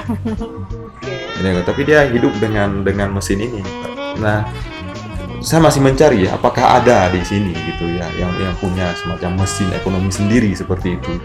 Sebab persaingan tadi yang QE juga itu dipertajam oleh kondisi tadi kantong ekonomi yang yang satu yang sangat terbatas kemudian diperebutkan oleh Ya, itu kan semangat kompetisinya juga sudah tinggi. Apakah itu memang sudah dari sejak zaman dulu? Karena bisa jadi dulu kayak yang lumbung tadi, yang aslinya di masyarakat kita itu kan yang belum terlalu tergerus kayak misalnya di, sudut-sudut tertentu di Eropa itu kayak kita resource-nya bisa jadi nggak banyak, tapi kita masih mau sharing bareng. Tapi ketika semangatnya sudah kompetisi ya jadinya bukan sharing kan, dia jadi rebutan Ya. gitu. Nah kalau kita lihat, nah ini sebenarnya yang jadi persoalan juga. Kalau kita lihat hari ini ya, kalau kita lihat awal ya di ada sebenarnya benih-benih benih kolektif itu. Misalnya kalau di kampung di Aceh Utara itu pernah saya temu nemu ada istilah muro. Muro itu istilahnya gini, ketika petani nggak ada uang, tapi dia harus bertani. Gitu. ya. Hmm. Santi punya sawah, aku punya sawah, dan si katakanlah kawan-kawan kita punya sawah, tapi kita nggak punya uang.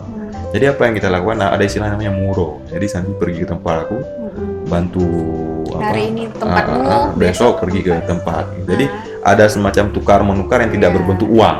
Jadi juga selama ini selama ini di kita ketika kita menyebut resource kan uang, wow. uang, uang, uang, uang. Padahal ada bentuk lain ya. ada banyak. Oh, Betul, makanya itu juga termasuk yang dikritik dari bukan dikritik ya patahan baru di dokumenta dengan membawa konsep lumbung itu juga mendefinisikan ulang apa yang dimaksud dengan resource. Resource. Gitu. Artinya apa yang kita pertukarkan tidak hanya uang saja tapi Hmm. bisa apa saja selama itu bisa berkontribusi terhadap kebudayaan dan masyarakat. Iya. Nah, Wow. contoh satu lagi juga hari ini misalnya dari Muro itu ya. Sekarang kalau di kampung-kampung itu padi baru selesai semula ditanam itu udah ada yang udah dibeli itu semua oleh satu toke. Ada berapa petak tanah itu udah dia bayar uang dan kemudian nanti ketika panen itu untuk dia semua. Nah itu kan kemudian ada orang yang yang memiliki satu dia punya alat yang lengkap misalnya alat traktor dan lain sebagainya. Akhirnya itu menjadi mi- milik satu orang itu dan udah dibeli. Nah ini juga satu hal. tunggal ya bahwa resource itu harusnya tidak distribusinya itu kalau misalnya kayak di dokumenta tadi kalau dia sudah dikumpulkan di lumbung harusnya itu pembagiannya lebih adil ya, Ya. tidak hanya ke mengumpul di monopoli di pihak-pihak Ya. tertentu ya. Dan itu yang terjadi di, di Aceh hari ini kan seperti di kampung-kampung pertanian sudah mulai seperti itu. Nah, apa yang menjadi pertanyaan saya juga, kenapa di tengah persoalan seperti itu kita tidak bicara tentang itu? Kita masih Kebudayaan bicara- kita nggak ke Eh, situ. eh, tapi kita yang kita bicarakan selalu tentang identitas. saya Aceh, Ah, saya bag- selalu dengan bagaimana menemukan identitas keacehan dalam karya bla bla bla. Tapi kalau Ya. menurut saya itu selalu seperti itu. Bagaimana menemukan identitas ini dalam karya ini, identitas itu. Jadi semacam ada kebutuhan untuk diakui identitas eh, yang glorify. glorifying ya, sangat glorifikasi, mengagung-agung. Tapi iya, menurut saya itu ada persoalan yang nyata yang sebenarnya bisa kita intervensi atau kita pikirkan seperti ka- kasus tadi yang sebenarnya itu Hmm. makanya Aceh ini terus bergerak juga persoalan-persoalan juga terus bergerak tapi kebudayaan kok jadi saklek terkunci ya, dengan satu definisi yang seperti itu gitu dan dan perlu dibongkar juga gitu bagaimana kita melihat kebudayaan itu bukan hanya soal spesifik soal lukisan atau serune kali ya, tapi juga bagaimana kebudayaan ini juga tidak atau kesenian bahkan tidak Hmm. hanya soal itu gitu. bagaimana mem- memperlebar ini Habis, eh aku penasaran soal jadi kan ini udah ada lumbung dan orang-orang di sini kan menghasilkan karya seni dan kebudayaan. Nah, berarti yang kalau yang dulu yang terlibat itu Eropa atau Amerika itu pun Eropa tertentu ya. Berarti sekarang sudah terlibat itu lebih banyak ya. Udah ada negara Asia, Latin juga yang terlibat di dokumenta 15 itu selain Eropa, apa Middle East juga kan karena sudah ada Palestina. Jadi utara dan selatan ya Ya, berarti berarti sudah pelibatannya uh, dengan konsep interlokal tadi memang sudah dari ujung ke ujung ya. ini juga apa yang kalau kita sebut istilah tadi patahan ini juga dilakukan oleh orang pertama memilih seniman yang tidak apa bukan nama besar yang individual Hmm. genius tapi memilih kolektif nah saya menarik juga melihat yang dipilih kemudian tidak hanya global south tapi dipilih juga seniman yang sejen, yang yang punya kolektif kayak dari Spanyol kan dari Hmm. Eropa dari dipilih juga dari UK Hmm. dari New Zealand jadi tidak juga membangun satu biner baru antara uh, North Atlantic dengan Iya. Global South jadi ada semacam pembauran juga gitu Makanya Sudah- dirimu juga sudah. bilang di Asia Tenggara bahkan baru kali ini Iya. pertama kali Iya, terlibat. iya. Tapi si kemudian di oleh artistik tim ini kan dia, itulah kewenangan itu ada di tangan kurator atau Hmm. artistik tim yang memilih seniman. Nah kalau kita lihat seniman yang dipilih itu dari Amerika Latin, dari dari Vietnam, dari Filipina, Taiwan, juga dari Palestina. Nah pelibatan Hmm. Palestina ini kemudian yang menimbulkan satu polemik besar di Jerman. ya. Karena bahkan itu di parlemen juga jadi ribut gitu jadi jadi polemik yang sangat besar secara nasional gitu. karena ini bicara sedikit tentang ini ya mungkin ini, inilah ke- kembali ke, ke terhubung dengan sejarah kita di awal tentang dokumenta jadi Hmm. masyarakat Soal antisemit ya? antisemit Oke. jadi dengan pelibatan Ya. Palestina di beberapa kurator Palestina itu tergabung dalam Boycott, Sanction and Divestment B, BSD. Jadi ada ada satu kelompok di internasional itu BSD Boycott, Sanction and Divestment. Jadi itu kelompok seniman dan aktivis Palestina yang tersebar di seluruh dunia. Mm-mm. Jadi mereka punya kayak diaspora lah. Nah mereka itu termasuk pernah menggagalkan kerjasama antar universitas dari Eropa dengan Israel. Ini kelompok yang memboikot dan anti Israel. Iya, Fight iya, untuk iya, itu ya. iya, fight untuk itu. Jadi mereka mengatakan Universitas Israel ini terlibat dalam memberi legitimasi terhadap penindasan yang dialami oleh rakyat Palestina. Keterlibatan mereka ini dianggap kayak itu antisemit, anti Israel. Nah di Jerman itu karena tadi rasa bersalah tadi Terhadap orang Yahudi. terhadap orang Yahudi, maka Jerman merasa sekarang merasa perlu harus melindungi orang Yahudi. Tapi Di saat masalahnya bukan Yahudi, masalah Israel. Kan Yahudi dan Israel dua hal yang berbeda. Ya. Cuman bagi Jerman ini dianggap sama saja. dianggap sama. Nah, ketidakjelasan definisi itu kemudian memberi dampak. Jadi kritik terhadap Israel itu sama dengan kritik antisemit. Jadi kritik terhadap Israel itu dilakukan oleh kelompok-kelompok Palestina ini, sementara kelompok Palestina ini adalah salah satu yang terlibat, yang terlibat dalam artistic dokumenta. Nah, Oke. kemudian di sanalah kemudian di dokumenta itu antisemit itu sangat laku ya, sama kayak di Aceh misalnya ada para politikus tampil sebagai pembela syariah kan sangat gandrung ya dibela oleh rakyat gitu. di, kalau di- logis uh, ya. kalau di Jerman itu siapa yang antisemit dia paling disokong oleh oleh rakyat. Politikus-politikus pun punya kepentingan juga gitu untuk mendapatkan support gitu ya. Jadi ketika dia antisemit dia itu dapat panggung gitu. Nah makanya dokumenta 50 mengalami serangan yang sangat berat terhadap isu antisemitisme. Oh, karena oke. melibatkan melibat- Palestina. Palestina kurator Palestina dan Juga termasuk yang terjadi sama petaring padi. Ya, kemudian itu Cerita sebenarnya sudah awal, jauh sebelum Taring Padi itu sudah muncul kritik-kritik itu. Awalnya karena dukungan terhadap Palestina, support terhadap Palestina, terhadap uh, penindasan yang di- dialami oleh Palestina, tapi uh, kemudian mengalami kritik juga.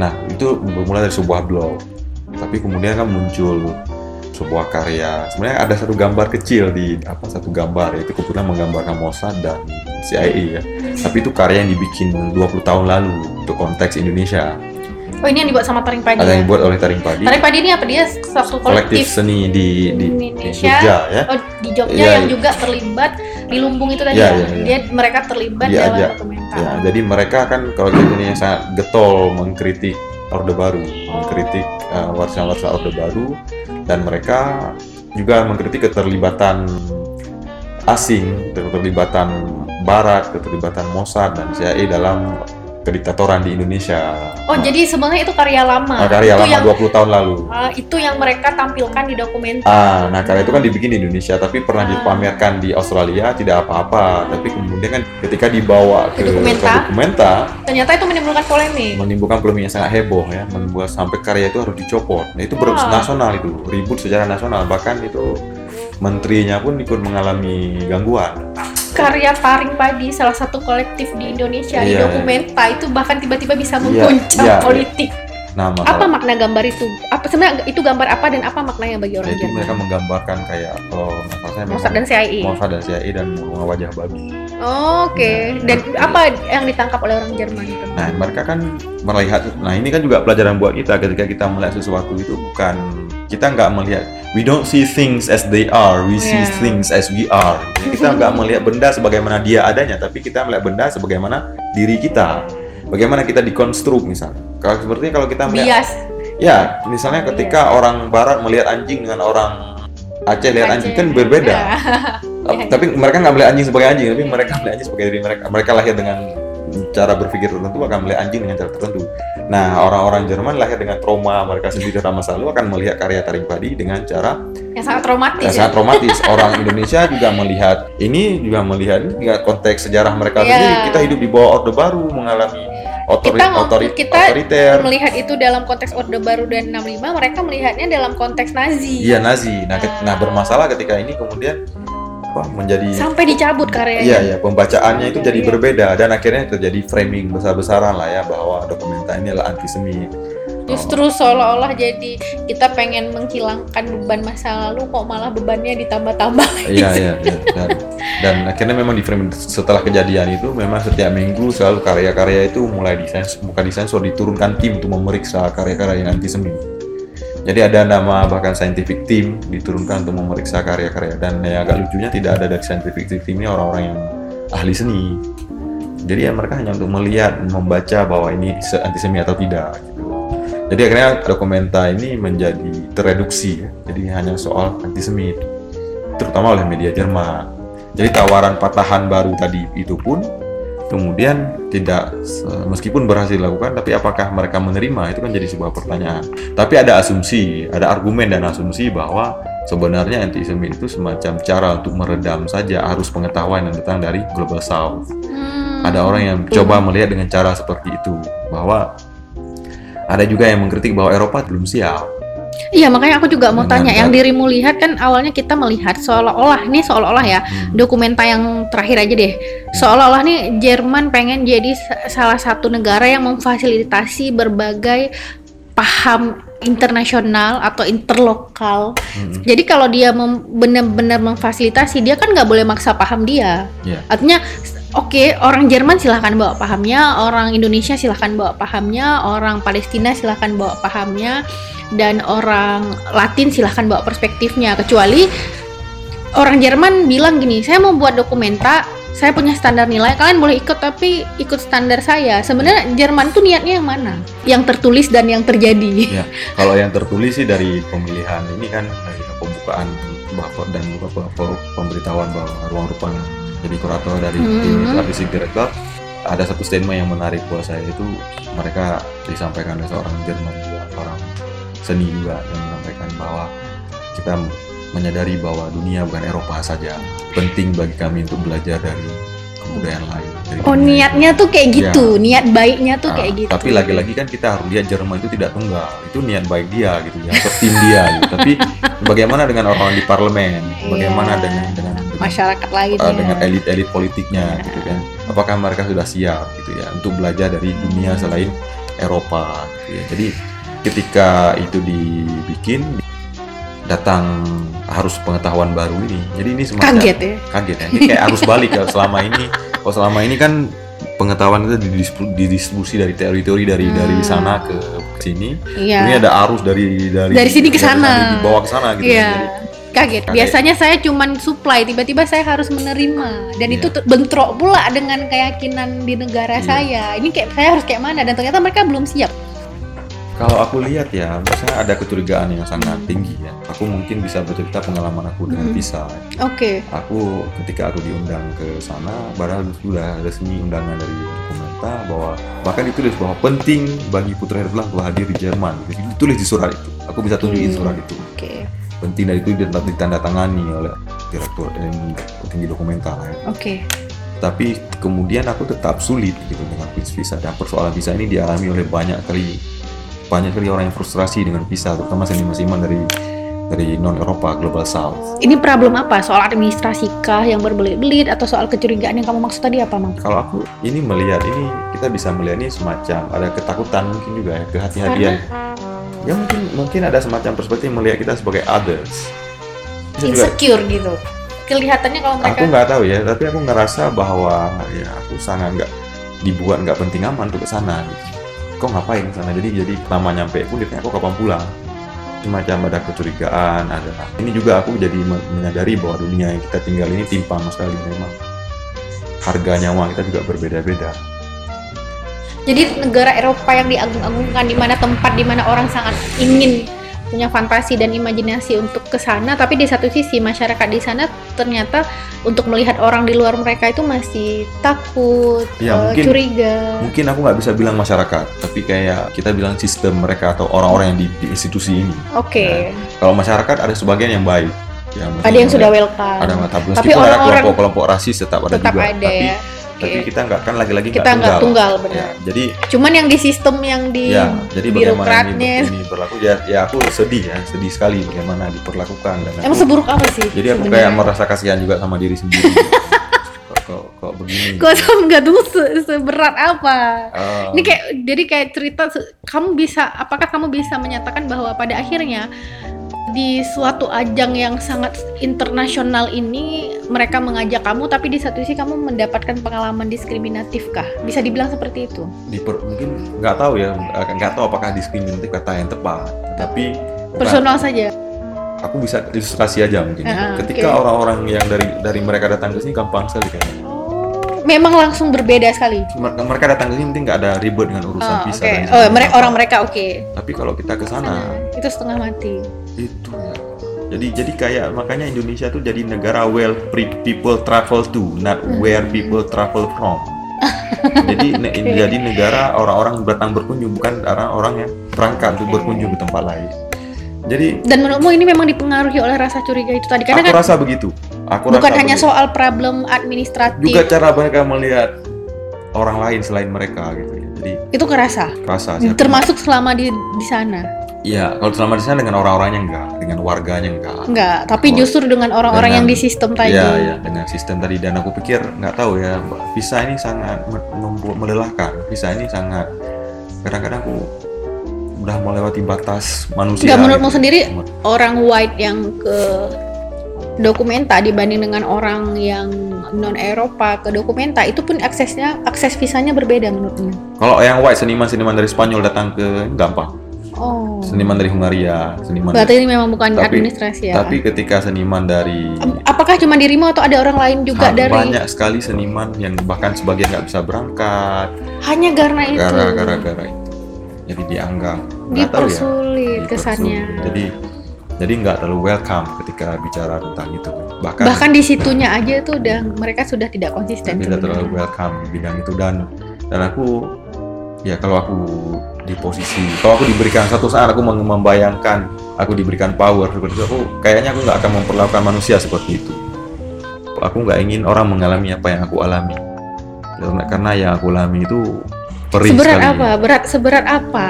Yang buat kita ngerasa aduh kok sampai kayak gitu sih? Ya, ya kadang-kadang bisa ditolak. Ya intinya ya seperti tadi sikap yang begitu kita nyampe kapan pulang kemudian nggak welcome lah pokoknya. Ah. tidak diterima dengan baik. Ya kalau kalau mungkin itu ya soal eh, mungkin soal kalau istilahnya itu hospitality. Ya mereka punya masalah di hospitality kalau dengan orang ya, yang non Eropa. Dengan orang non Eropa dan ya aku kayaknya dianggap kayak pengungsi yang ingin cari kerja ke sana gitu. atau atau teroris atau teroris yang datang bawa bom gitu jadi bahkan kamu merasa seperti Ya itu? aku ngerasa kayak merasa dilihat sebagai orang yang nggak Itu. penting dan ngapain ke sana. gitu. Jadi kayak mereka sangat protektif dan over protektif.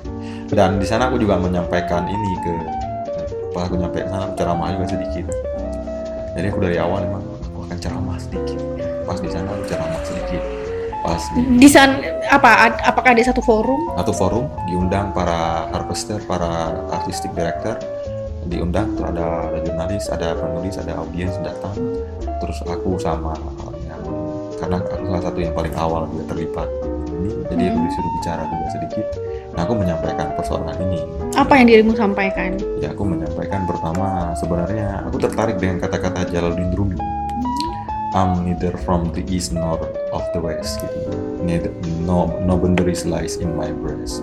Artinya? Artinya aku tidak datang dari barat dan aku tidak datang dari timur. oke. Tidak ada dinding-dinding yang membatasi di dalam dadaku. Jadi I see human as human ya, aku melihat manusia ya manusia tanpa mencoba mendiskriminasi. Tapi ketika seiring perjalanannya waktu aku mengalami ini dan aku menya- menyadari bahwa dunia ini timpang.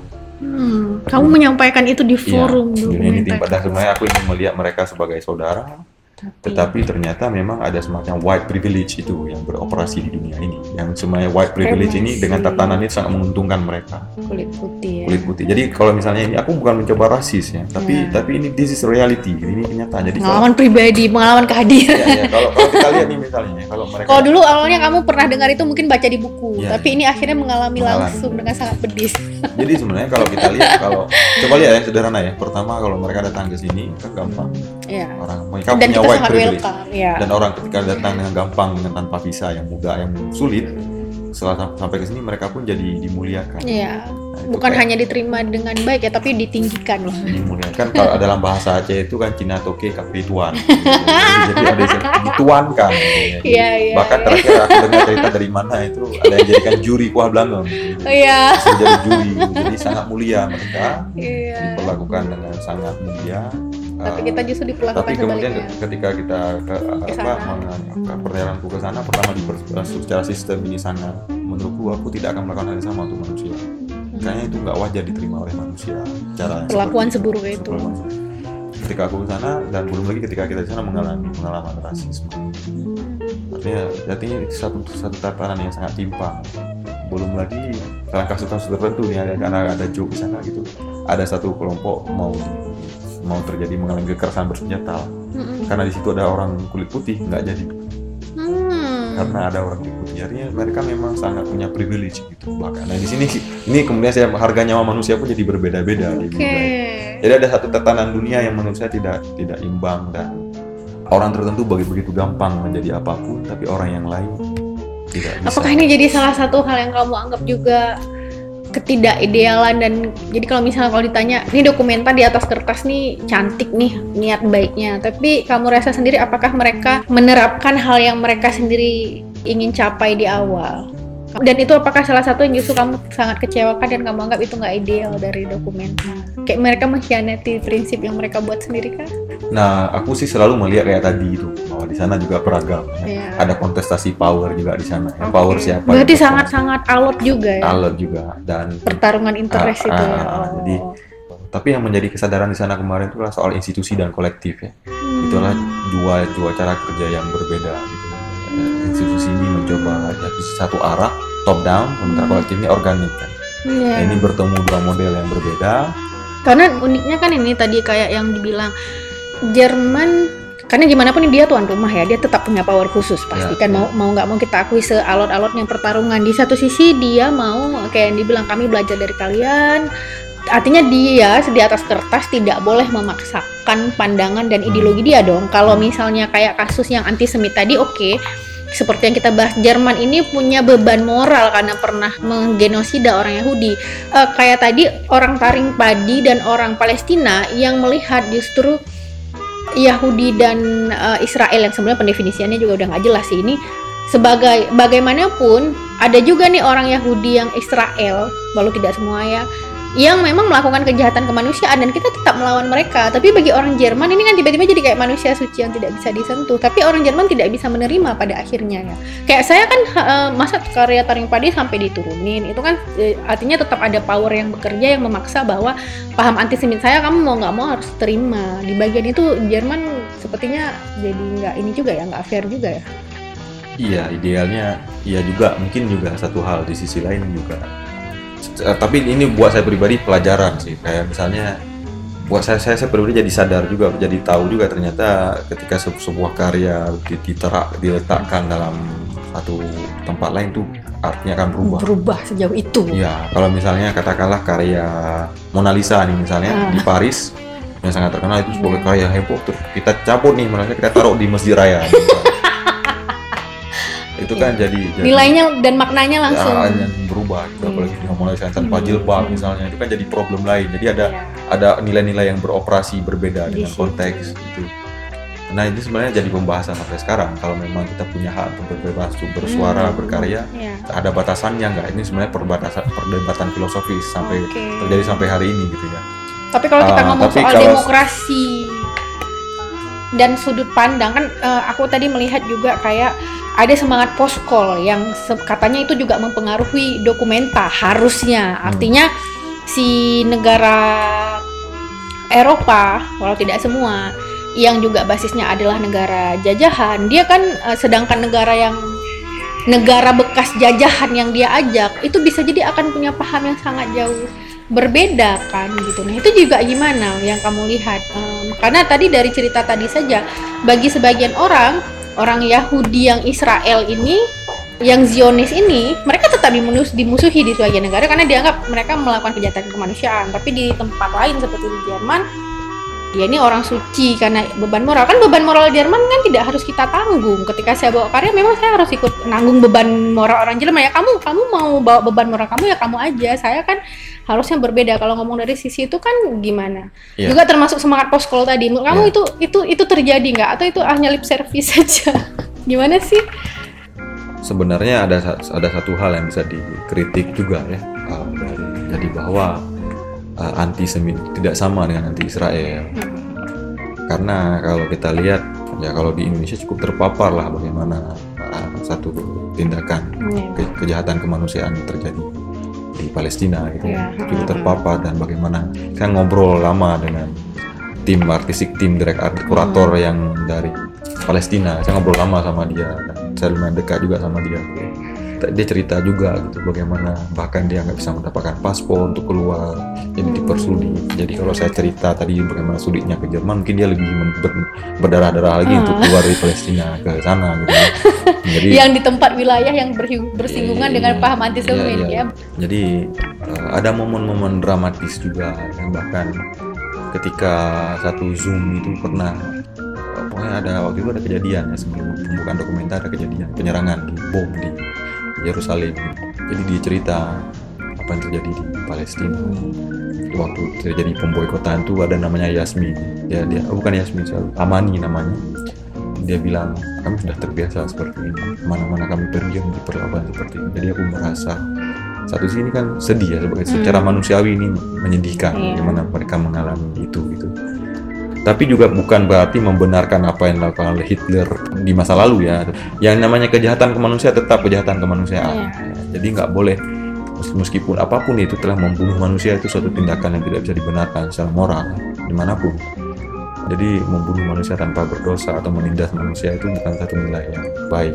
Jadi, nah masalahnya ketika di sana, ketika orang-orang ini mencoba bersuara itu dianggap antisemit karena itu di, langsung di shutdown gitu ya dan nah ada juga politik yang bermain politikus yang memanfaatkan memanfaatkan itu, itu. karena yeah. dokumenter kan panggung besar panggung dunia ini hmm. panggung dunia jadi itu yang jadi jadi problem jadi, problem juga. jadi saya punya persoalan internal Jerman juga itu soal GIL itu bagaimana mereka melihat ini bahwa ras nation ras bangsa negara itu bukan kategorinya sinonim hmm. artinya bukan ketika kita benci artinya ketika kita mengkritik sebuah nation atau sebuah state itu bukan berarti kita mengkritik ras.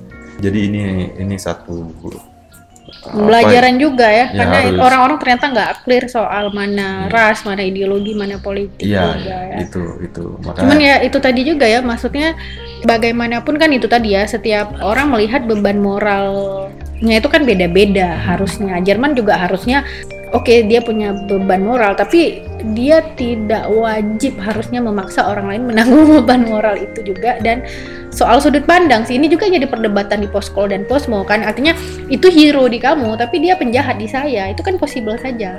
Hal-hal yang kamu anggap baik di tempat saya tuh bisa jadi buruk. Nah tapi kan kadang-kadang kayak gitu tadi ya orang Eropa tidak siap ya bisa. Apakah menerima pemahaman yang berbeda itu tadi. Ya, dan itu juga kan mencerminkan satu citra kalau dulu tidak seperti yang ini ya. Iya ya benar-benar benar karena terlalu banyak filsuf yang lahir di sana. Di sana. Ya, Tapi memang di sisi lain Jerman semakin mengarah pada politik identitas yang juga sangat ini ya. ya. Jadi jadi saya selalu melihat saya sendiri selalu melihat politik identitas ini masih tinggi ya. Karena Jerman pun kan di kancah politik dunia dan Eropa mereka masih pengen menjadi negara yang unggul mereka memimpin Uni Eropa dan segala macam. Kita kan nggak tahu ya bahwa mungkin dia punya niat baik tapi hanya saja secara mental kita nggak tahu mereka sekuat dan sesiap apa. Makanya yang tadi dirimu bilang soal semangat post call itu di dokumenta itu gimana? Apakah itu terrealisasikan? Atau sebenarnya gimana sih? Ini kan perdebatan yang sangat alot ya karena yang dilibatin ini negara-negara bekas jajahan loh gitu ada ada hal sengit juga nggak sih yang terjadi di sana pasti pasti kayak pasti apa, jadi termasuk para kritikus yang menganggap itu bukan karya seni Oh iya. Jadi bahkan kan ada maka berangkat dari satu titik berangkat yang berbeda ini. Kalau di Jerman yang biasanya tumbuh dengan pameran seni yang tampilan individu jenius, Hmm. sementara di sisi lain mereka praktik seni yang tumbuh. Kayak kolektif itu sejarahnya dari sanggar. Kita kan tumbuh di sanggar, Ah, iya, sanggar, benar-benar. sanggar, sanggar, Di kampung-kampung sanggar. Oh, sanggar. kecil, Ah, gitu. ya. Kita tumbuh dengan cara seperti itu. Akhirnya memunculkan hal cara pandang terhadap seni yang berbeda. Nah kalau di Ya karena unik nih bayangkan ya negara jajahan dengan negara, negara penjajah dengan negara jajahan yang punya nilai yang kontradiktif sekali ketemu di satu lapak. ya, ya. Tuh gimana mereka mempertaruhkan nilai Ya. mereka yang yang di satu sisi itu tadi baik bagi saya buruk bagi Ya. kamu atau sebaliknya itu gimana pertarungan alot karya seninya. Nah bahkan ada statement bahwa ini estetika NGO, estetika ini ini kalian ini seniman atau pekerja sosial. oh bahkan Jadi- ada pertanyaan. Jadi ada pertanyaan seperti itu. Jadi mereka sudah melihat eh, Oke. klasifikasi seperti itu ya bahwa seni dan Kaget sosial memang ya itu- ternyata sebagian pihak itu kaget. Memang. Itu tidak biasa. Iya. Nah, misalnya ketika melihat di, di Jawa Barat tuh ada ada satu kolektif yang bagus, menarik gitu namanya Jatiwangi Art Factory. Jatiwangi Art Factory secara nama Jatiwangi ya, art. Hmm. Memang. Tapi mereka juga melakukan uh, isu-isu bicara tentang isu uh, land grabbing, bicara soal ya isu sosial juga, tapi juga di saat bersamaan juga bicara- mereka seniman. Jadi bukan satu hal yang aneh gitu. Tapi ketika itu hadir ke sana, mereka ngelihat ini estetika NGO. Maka ada satu statement Ketika NGO. ya ini kayak kayak kayak ini kalian kerja sosial Ah. atau gimana gitu jadi jadi Kenapa kayak- kemari gitu? jadi, jadi jadi ada satu kegamangan Oh. tapi di sisi lainnya ini sebenarnya ini yang harus dilakukan oleh seni mencoba mengganggu apa yang sudah dianggap final ya. Berarti itu sebenarnya bisa dibilang kayak perkembangan seni unik di dokumenta juga. Atau bayangkan kita di di Aceh atau di Indonesia yang aku nggak tahu apakah kita selalu mengikuti perkembangan mutakhir seni baik dari sudut pandang mana pun yang bisa dianggap progresif kayak gitu. Yang apa hal yang kamu anggap paling progres yang sebenarnya ada di dokumenta yang mungkin kita bisa tahu, bisa jadi bahan belajar, bisa tahu oh ternyata lewat dokumenta kamu mengetahui ada perkembangan-perkembangan seni tertentu yang itu belum ada di sini. Kalau misalnya soal lumbung, soal budaya kolektif, soal pekerja NGO tadi, sebenarnya itu kan praktek yang sudah kita lakukan. Hanya saja kita berusaha kayak kamu bilang tadi tuh, kita tiba-tiba bawa itu ke Eropa. Tapi itu udah kita praktekkan. Bagi kita itu kan bukan hal yang baru ya sebenarnya. Mungkin tadi ya soal post-pol, post-modern itu juga hal yang ini ya, karena tiba-tiba tidak ada lagi grand narasi, tidak ada lagi orang Eropa saja yang menentukan, sudah masuk paham-paham yang awalnya cuma negara jajah, negara penjajah saja, negara bekas jajahan juga masuk. Ada hal hal lain apa? Juga termasuk mungkin pengalaman menarik atau seni karya-karya seni menarik nggak sih di negara-negara tertentu kayak di Asia, Latin, Middle East. Yang ini kayaknya belum pernah didiskusikan di Aceh atau ini suatu praktek kebudayaan yang unik yang kita masih ketinggalan mungkin. kalau saya secara mungkin nggak mungkin banyak satu-satu ya karya yang Iya, banyak iya. banyak Tapi ada hal unik-unik tertentu Ah. nggak yang kamu dapat da- kayak dari Nah, ini. Latin, dari Kayak gini gini, ada yang menarik itu bagaimana mereka mengelola space. Ada Apa lebih dari 32 venue pameran. Oke. Dan, dan itu tidak terkonsentrasi dulu kan cuma di misalnya di, di museum. Yang hanya Oke. yang sementara yang masuk museum itu hanya orang-orang terdidik, orang-orang pintar. Oh, tapi ini ada 32 venue. 32 venue Berarti sangat di pinggir. tersebar. Sangat tersebar itu dibikin di pinggir sungai, di, di dekat. Dia tidak tersentral di satu tempat Iya, saja. iya. Jadi kalau kita mau menjelajah dokumenter, kita harus pergi ke 32 titik itu. Ah, jadi ada 32 titik, petanya dikasih peta. Nah, itu di beragam tempat, ada di dekat kafe, ada di tanah lapang, dekat dekat. Jadi semua itu tersebar. Jadi kalau kita pergi ke sana itu itu kayak hari raya memang. Dan dan maksudnya kayak aku teringat masa kecil. Nggak konsep di satu ruang, di satu gedung aja gitu ya. Enggak, tersebar ke seluruh titik tempat-tempat. Jadi kayak kayak karena sini menjumpai warga. Hmm, berarti dia dibuat di lapak-lapaknya masyarakat juga, tempat- bukan di satu tempat elit yang kita Ya. bayangkan. Di- Sangat grassroots, Nah, grassroots. Jadi sangat community based. jadi eh, apa kita tuh ngerasa kayak itu hari raya. Kayak kayak ngerasa kayak lebaran kayak kayaknya dulu aku udah lama aku nggak merasakan semaraknya itu ya. Kan waktu kecil dulu semarak lebaran kayak waktu udah dulu kan ada senjata mainan main tembak-tembakan waktu kecil. Di sana ada anak rame-rame kan. Lebaran tuh rame kalau rame kita waktu merayakan nah itu persis kayak kembali ke masa kanak-kanak kegembiraan di mana-mana. Kayak kita ngunjungin festival-festival di Iya, berbagai tempat iya. jadinya. Terus ya. nanti kita lihat nih hari ini di sana ada pemutaran film tentang ini. Oh di sana ada pertunjukan. Oh di sana ada ada musik. Oh di sana ada ada ada beda buku. Oh di sana ada workshop. Jadi itu satu kota tuh satu kota tuh. Bayangkan kalau dibikin di Banda Aceh nih kan di Banda Aceh. Penuh gitu. Penuh dengan kegiatan. Kita bisa update di web. Kadang-kadang bingung ya. Ini aku akan akan ikut workshop ini atau aku akan pergi ke ini ya? Jadi saking penuhnya dengan jadi kita membayangkan itu kota apa sih? Kassel di Kassel itu berarti kita kayak eceknya kita membayangkan Banda Aceh ini yang satu ban bukan hanya satu ruang eh satu gedung tapi satu Banda Acehnya Satu dijadiin Aceh, lapak. Satu Banda Aceh. Banda Aceh dan Banda itu Aceh. ada Banda dan itu bukan di ruang ruang-ruang yang hanya bisa dikunjungi oleh oleh orang-orang tertentu.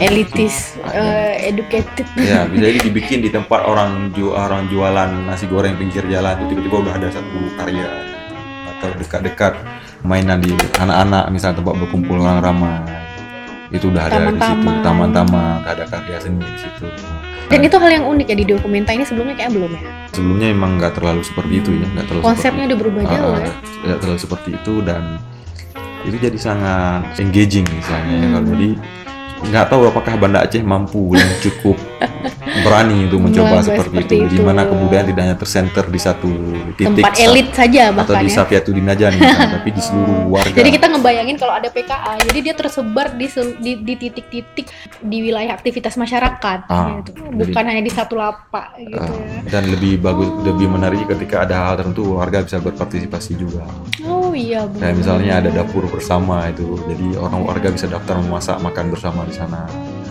Jadi juga misalnya selama lima tahun terakhir nih katakanlah, kalau kita bikin satu event kebudayaan lima tahun terakhir, jadi kan dalam lima tahun terakhir ini pasti ada muncul seniman baru, fotografer Hmm. baru atau karya-karya Hmm. baru.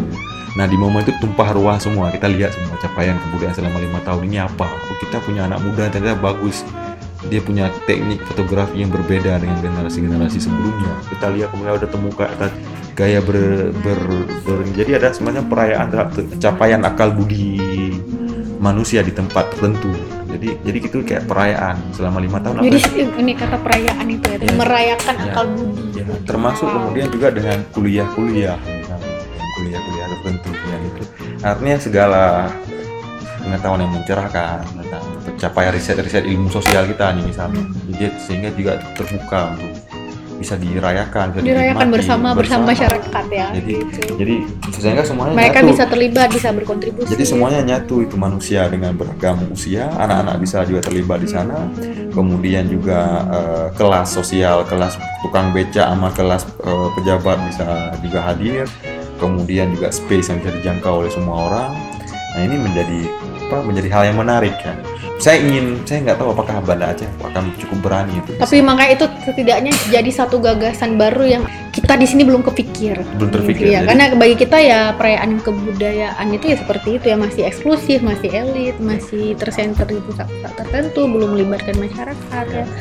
dan Iya. juga dan juga misalnya tadi kan kita bicara masyarakat kelas tukang beca atau Hmm. atau kemudian uh, katakanlah uh, para akademisi juga di satu momen di mana semua berkumpul akademisi aktivis seniman berkumpul gitu tanpa ada semacam Sekat-sekat. hierarkis yang- hierarki dan sekat-sekat itu tadi. Nah, nah, mampu nggak kita menciptakan ruang itulah yang harus dipikirkan, harus atau siap nggak kita, atau mau nggak kita sebagai. Jadi harusnya pembicaraan kebudayaan itu ke arah Ke sana, sana. bukan lagi arah identitas yang harus di Saya adalah gitu. jadi yang harus ada karya seni nggak sih yang kamu ingat beberapa mungkin dari berbagai wilayah tertentu yang kamu anggap ini unik berani atau apa gitu? Yang mungkin itu kayak sesuatu kamu mungkin belum lihat di sini atau itu suatu suatu karya seni yang progresif kah atau berkesan kah? Ada nggak karya seni tertentu yang kamu ngerasa itu bisa jadi bahan nih untuk seniman-seniman di sini? Ada ada dua. Yang pertama ada satu karya seni dari seniman Afrika. Afrika Nah itu canggih sekali. Aku lupa negara oke apa. tapi dari Afrika ya Jadi jadi jadi itu kita masuk ke dalam ruangan itu ruang multi ruang itu memang gelap. Mm-mm. Ada di, di tengah itu dibikin gundukan dari, dari tapi kita bisa rebahan di situ. Jadi ketika setiap kita sentuh itu jadi terdengar suara suara burung, suara orang bicara. Jadi kita kayak masuk ke dibawa ke alam lain. Pengalaman. itu sebenarnya sedang menggambarkan apa apa yang pengen disampaikan kamu oleh Nah, yang itu nggak ada nggak ada maksud apa-apa. Ah. Total secara capaian artistik si seniman ini luar biasa. Dia menjangkau audio, dia menjangkau bisa membuat imajinasi kita Hmm. penjelasan ruang-ruang baru kayak itu.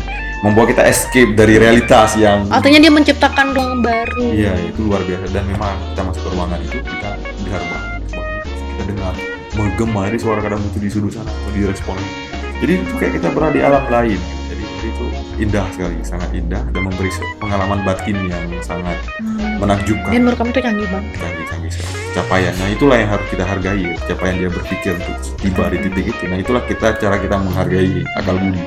Ya kita nggak tahu mungkin dia menyerap sesuatu di tempat dia hidup ya nah, sehingga dia bisa kayak gitu Iya. dia dia menangkap bunyi-bunyi ada di tempat dia. Hmm. ya, ada burung suara orang-orang semua itu kondisinya kayak terbawa. Nah satu karya lain karya Instar seniman dari Kuba. Hmm mereka itu Latin memang menonjolkan satu suara yang tidak dihadirkan oleh Rezi oh dia dia mungkin membuat narasi lain. Ada orang yang hilang ada tapi dengan karya seni. Kayak membawa kita pada satu kes- kesadaran realitas bahwa ini apa sih bentuk karya seninya sederhana aja kayak cuma foto dipasang kopeng kemudian ada video kecil kemudian ada narasi tapi kita masuk buat aku ketika masuk. Dia sedang mengkritik rezim lewat karya. Enggak bukan mengkritik bukan, aku enggak menyebut kata mengkritik rezim tapi Hmm. dia membawa satu narasi cerita yang, yang tidak diceritakan oleh rezim. Oke. Jadi sehingga kita bisa membantu melihat ada realitas cerita-cerita secara orang hilang yang selama ini tuh tidak pernah naik Iya. ke permukaan dia Iya, ingin iya. bilang sesuatu yang selama ini nggak jadi, jadi, jadi dia kita jadi berjalan-jalan ke Kuba juga jadi paham. Itu yang menarik dari tapi di sisi lain ada yang ada yang agak sensitif untuk dibicarakan di Aceh. tuh? Nah, tapi nggak tahu sih ya. Di, mereka mungkin di Eropa wajar ya. Jadi itu gereja. Gereja itu dibajak. Dibikin pam uang pamer. Di sana? Oleh kelompok-kelompok dari Haiti. Jadi ada gereja jadi ada karya. Teman cuma gereja udah nggak pakai nggak pakai lagi oke. Tapi mereka ingin menjadikan jadi itu ada suka dibikin ada pameran hantu pameran. Tapi tapi sebenarnya ada hubungannya dengan mitos-mitos yang ada di lokal itu Iya ya, unik ya. berkesan- jadi berkesan. mereka bahkan menggunakan tempat-tempat tertentu yang kita nggak pernah kepikir itu bisa jadi tempat untuk karya seni Iya, nah ini satu hal yang aku bagi buat aku pribadi sangat ini mungkin satu hal yang aku temukan di sana bahwa aku nggak sadar selama ini bahwa dalam sebuah ru- ruang space atau gedung itu dia mem- memainkan peran bahasa Inggrisnya what kind of body does it exclude. Di dalam sebuah ruangan itu, sebuah tempat itu dia mengeksklud orang-orang tertentu dan membolehkan ada orang-orang tertentu meskipun tidak ada aturan. Kayak seperti apa? Kayak misalnya nih misalnya. Gedung-gedung tertentu nih, misalnya, gedung-gedung perguruan tinggi, orang-orang petani kan nggak bisa Hmm, nggak masuk. bisa masuk. Atau di, memang udah ada udah ada tembok di sana di imagine ya, ah, petani buat sana? padahal nggak ada larangan Padahal nggak ada larangan. ada larangan tertulis tapi ada. tetap aja ada suatu hal yang buat saya kayaknya nggak bisa masuk ke sana. Ah, atau atau nggak bisa itu laki-laki semua. Jadi setiap space memainkan peran itu dia mengeksklud tubuh tertentu dan membolehkan tubuh tertentu walaupun dia tidak menuliskan walaupun tidak menuliskan. Nah yang dilakukan oleh, ya. oleh konsep-konsep dokumenter ini menghancurkan tembok imajiner Tembok imajiner. wow keren sekali Nah, bagaimana? dia melakukan kritik terhadap bagaimana eh, sepertinya bangunan-bangunan tertentu itu punya nilai kelas ekonomi dan sosial tertentu lalu dia pengen hancurin Kayak misalnya atau kita saya bawa orang kampung dari kampung saya misalnya ke Banda Aceh ke kafe tertentu orang kampung nggak berani masuk karena ini kayak untuk kelas tertentu. Nah sebenarnya kita harus yang tidak kita sadari di sini itu adalah soal pembicaraan tentang ruang yang belum begitu dominan. itu Bahwa kayak nggak terlihat tapi padahal itu sangat kelas ekonomi ya, sangat sosial space, space itu space itu melakukan ini seleksi terhadap tubuh, tubuh apa yang boleh ada di space itu dan, Dan tubuh seperti apa. ruang itu adalah hasil kebudayaan manusia padahal Ah, ya dan kita dan bisa itu nggak pernah kita eh, refleksikan dan juga soal bunyi yang dirimu bilang tadi ya bunyi Power. itu bunyi punya apa power yang boleh ada, bunyi apa yang nggak boleh ada. Jadi ada kelin-kelin dan kuasa dalam bunyi. Kemudian bunyi ini juga, boleh hadir di Iya. waktu tertentu bunyi lain tidak ah, jadi- dan juga soal tubuh dan ruang. Gitu. Artinya apakah ruang tertentu hanya untuk tubuh tertentu? Misalnya, misalnya ada ruang tertentu ini tubuhnya hanya untuk orang yang PNS misalnya. Orang ini nggak bisa. Secara hanya legal, secara legal nggak ada aturan dan tapi masalahnya itu terbentuk dalam konstruksi sosial dan akhirnya menjadi menjadi dan aku pikir ini juga kenapa kadang-kadang teman-teman ketika bikin karena nggak ada yang datang karena space-nya itu sudah ada itu. Orang tidak sadar bahwa sebelum dia membuat karya seni bahkan tempat-tempat dan ruang-ruang itu akses itu sendiri sebenarnya sudah bermasalah. Sudah sudah ada ada dinding sudah ada dinding. Kita Nah, itu- segitu nggak merefleksikannya ya. Dan Iya. kawan-kawan di sana tuh udah sampai ke situ. Saya pikir rupa sangat lihai bicara tentang space. Mereka tahu aktivasi ruang nah yang menarik juga misalnya yang saya suka itu. Itu di mana-mana itu ada kayak bantal besar yang kita bisa rebahan jadi sekarang kalau kita pergi ke gedung-gedung kan cuma ada toilet tempat buang air kecil dan buang air besar. Seolah-olah kebutuhan manusia itu hanya untuk buang air kecil dan buang air besar. Kan aku perlu rebahan juga kalau udah kecapean sebelum melanjutkan aktivitas. Selanjutnya aku udah jalan jalan jauh nih ke ruangan nih sebelum aku melanjutkan ke tempat yang lain kan aku butuh istirahat 5 menit lah. Berpejam 5 menit. Nah di setiap tempat tuh ada tempat istirahat rebahan 5 menit. Nah di space kita kan belum ada tren seperti itu. Kita bisa rebahan 5 menit. Nanti kita bisa kayak manusia butuh istirahat. Ah, jadi karena karena kita melihat kebutuhan manusia kan hanya soal buang air besar dan buang air kecil. Bahwa saya butuh waktu istirahat 5 menit agar bisa jalan, agar bisa melanjutkan itu belum. Begitu juga soal kamar mandi ini misalnya ada nggak kamar mandi yang bisa untuk ibu menyusui? Misalnya soal-soal space gitu ya. Jadi soal-soal space ini space itu bahkan dikritik habis-habisan Ah, jadi, jadi jadi bagaimana kita melihat space ini juga sebagai ruang kita hidup. Jadi aku itu lah kita ingin bisa nggak ini juga teman-teman di sini ya bisa nggak kita membawa bahasan tentang budaya itu bukan lagi soal identitas, Iya. soal tapi bagaimana Sesuatu yang jauh. sesuatu yang seperti ini hal-hal yang cuma real kita hadapi di keseharian kita nggak perlu soal ideologi ideologi ideologi besar nggak kalau bisa juga hal sederhana kayak tadi dia menyusui bisa sama ruang ini jadi pakai gitu. Oke, nice. Eh, udah dua jaman juga nih. Eh, em, aku rasa kayaknya udah tercover karena ada pertanyaan-pertanyaan yang aku siap juga sebenarnya sudah dijawab juga ya, termasuk perkembangan seni dan kritik dan saran untuk seni di Aceh dan Indonesia itu tadi. Dan juga dirimu juga katanya juga ada nulis. Jadi sebenarnya kalaupun ada nanti yang belum tercover di sini juga bisa membaca tulisan-tulisan kah tentang dokumenter Ya, yang aku sedang menulis dua tulisan, satu untuk majalah di Taiwan, satu untuk Australia. yang nanti itu bisa akses publik gak sih? Bisa saya publik, tapi mungkin aku juga kalau ada waktu mau terjemahkan juga. Oh, Karena oke. itu dalam bahasa Inggris, biar bisa Oh. akses juga. Berarti Mudah-mudahan nanti- ya, cukup waktu untuk itu. Cukup dong, cukup dong. Kalau nggak nanti berbagi pengetahuannya bagaimana? Kami kami ini Bisa tidak bisa bisa juga kan capek kan kayak semua orang bisa ketemu sama dirimu gitu. Wah, itu nanti Ya, pejabat aja. Yuh. Karena ada aku bayangnya ada terlalu banyak hal ini aku harap ada hal-hal penting tadi yang sudah tercover. Tapi sisanya aku aku yakin ada terlalu banyak hal juga yang nggak mungkin kita habisin di sekali podcast ini. Makanya nanti mungkin dirimu juga kita juga bisa akses lewat tulisan dirimu tentang dokumenta. Jadi makasih banyak sekali Putra sudah mau berbagi. Jadi aku padakan saja podcastnya ya. Makasih Putra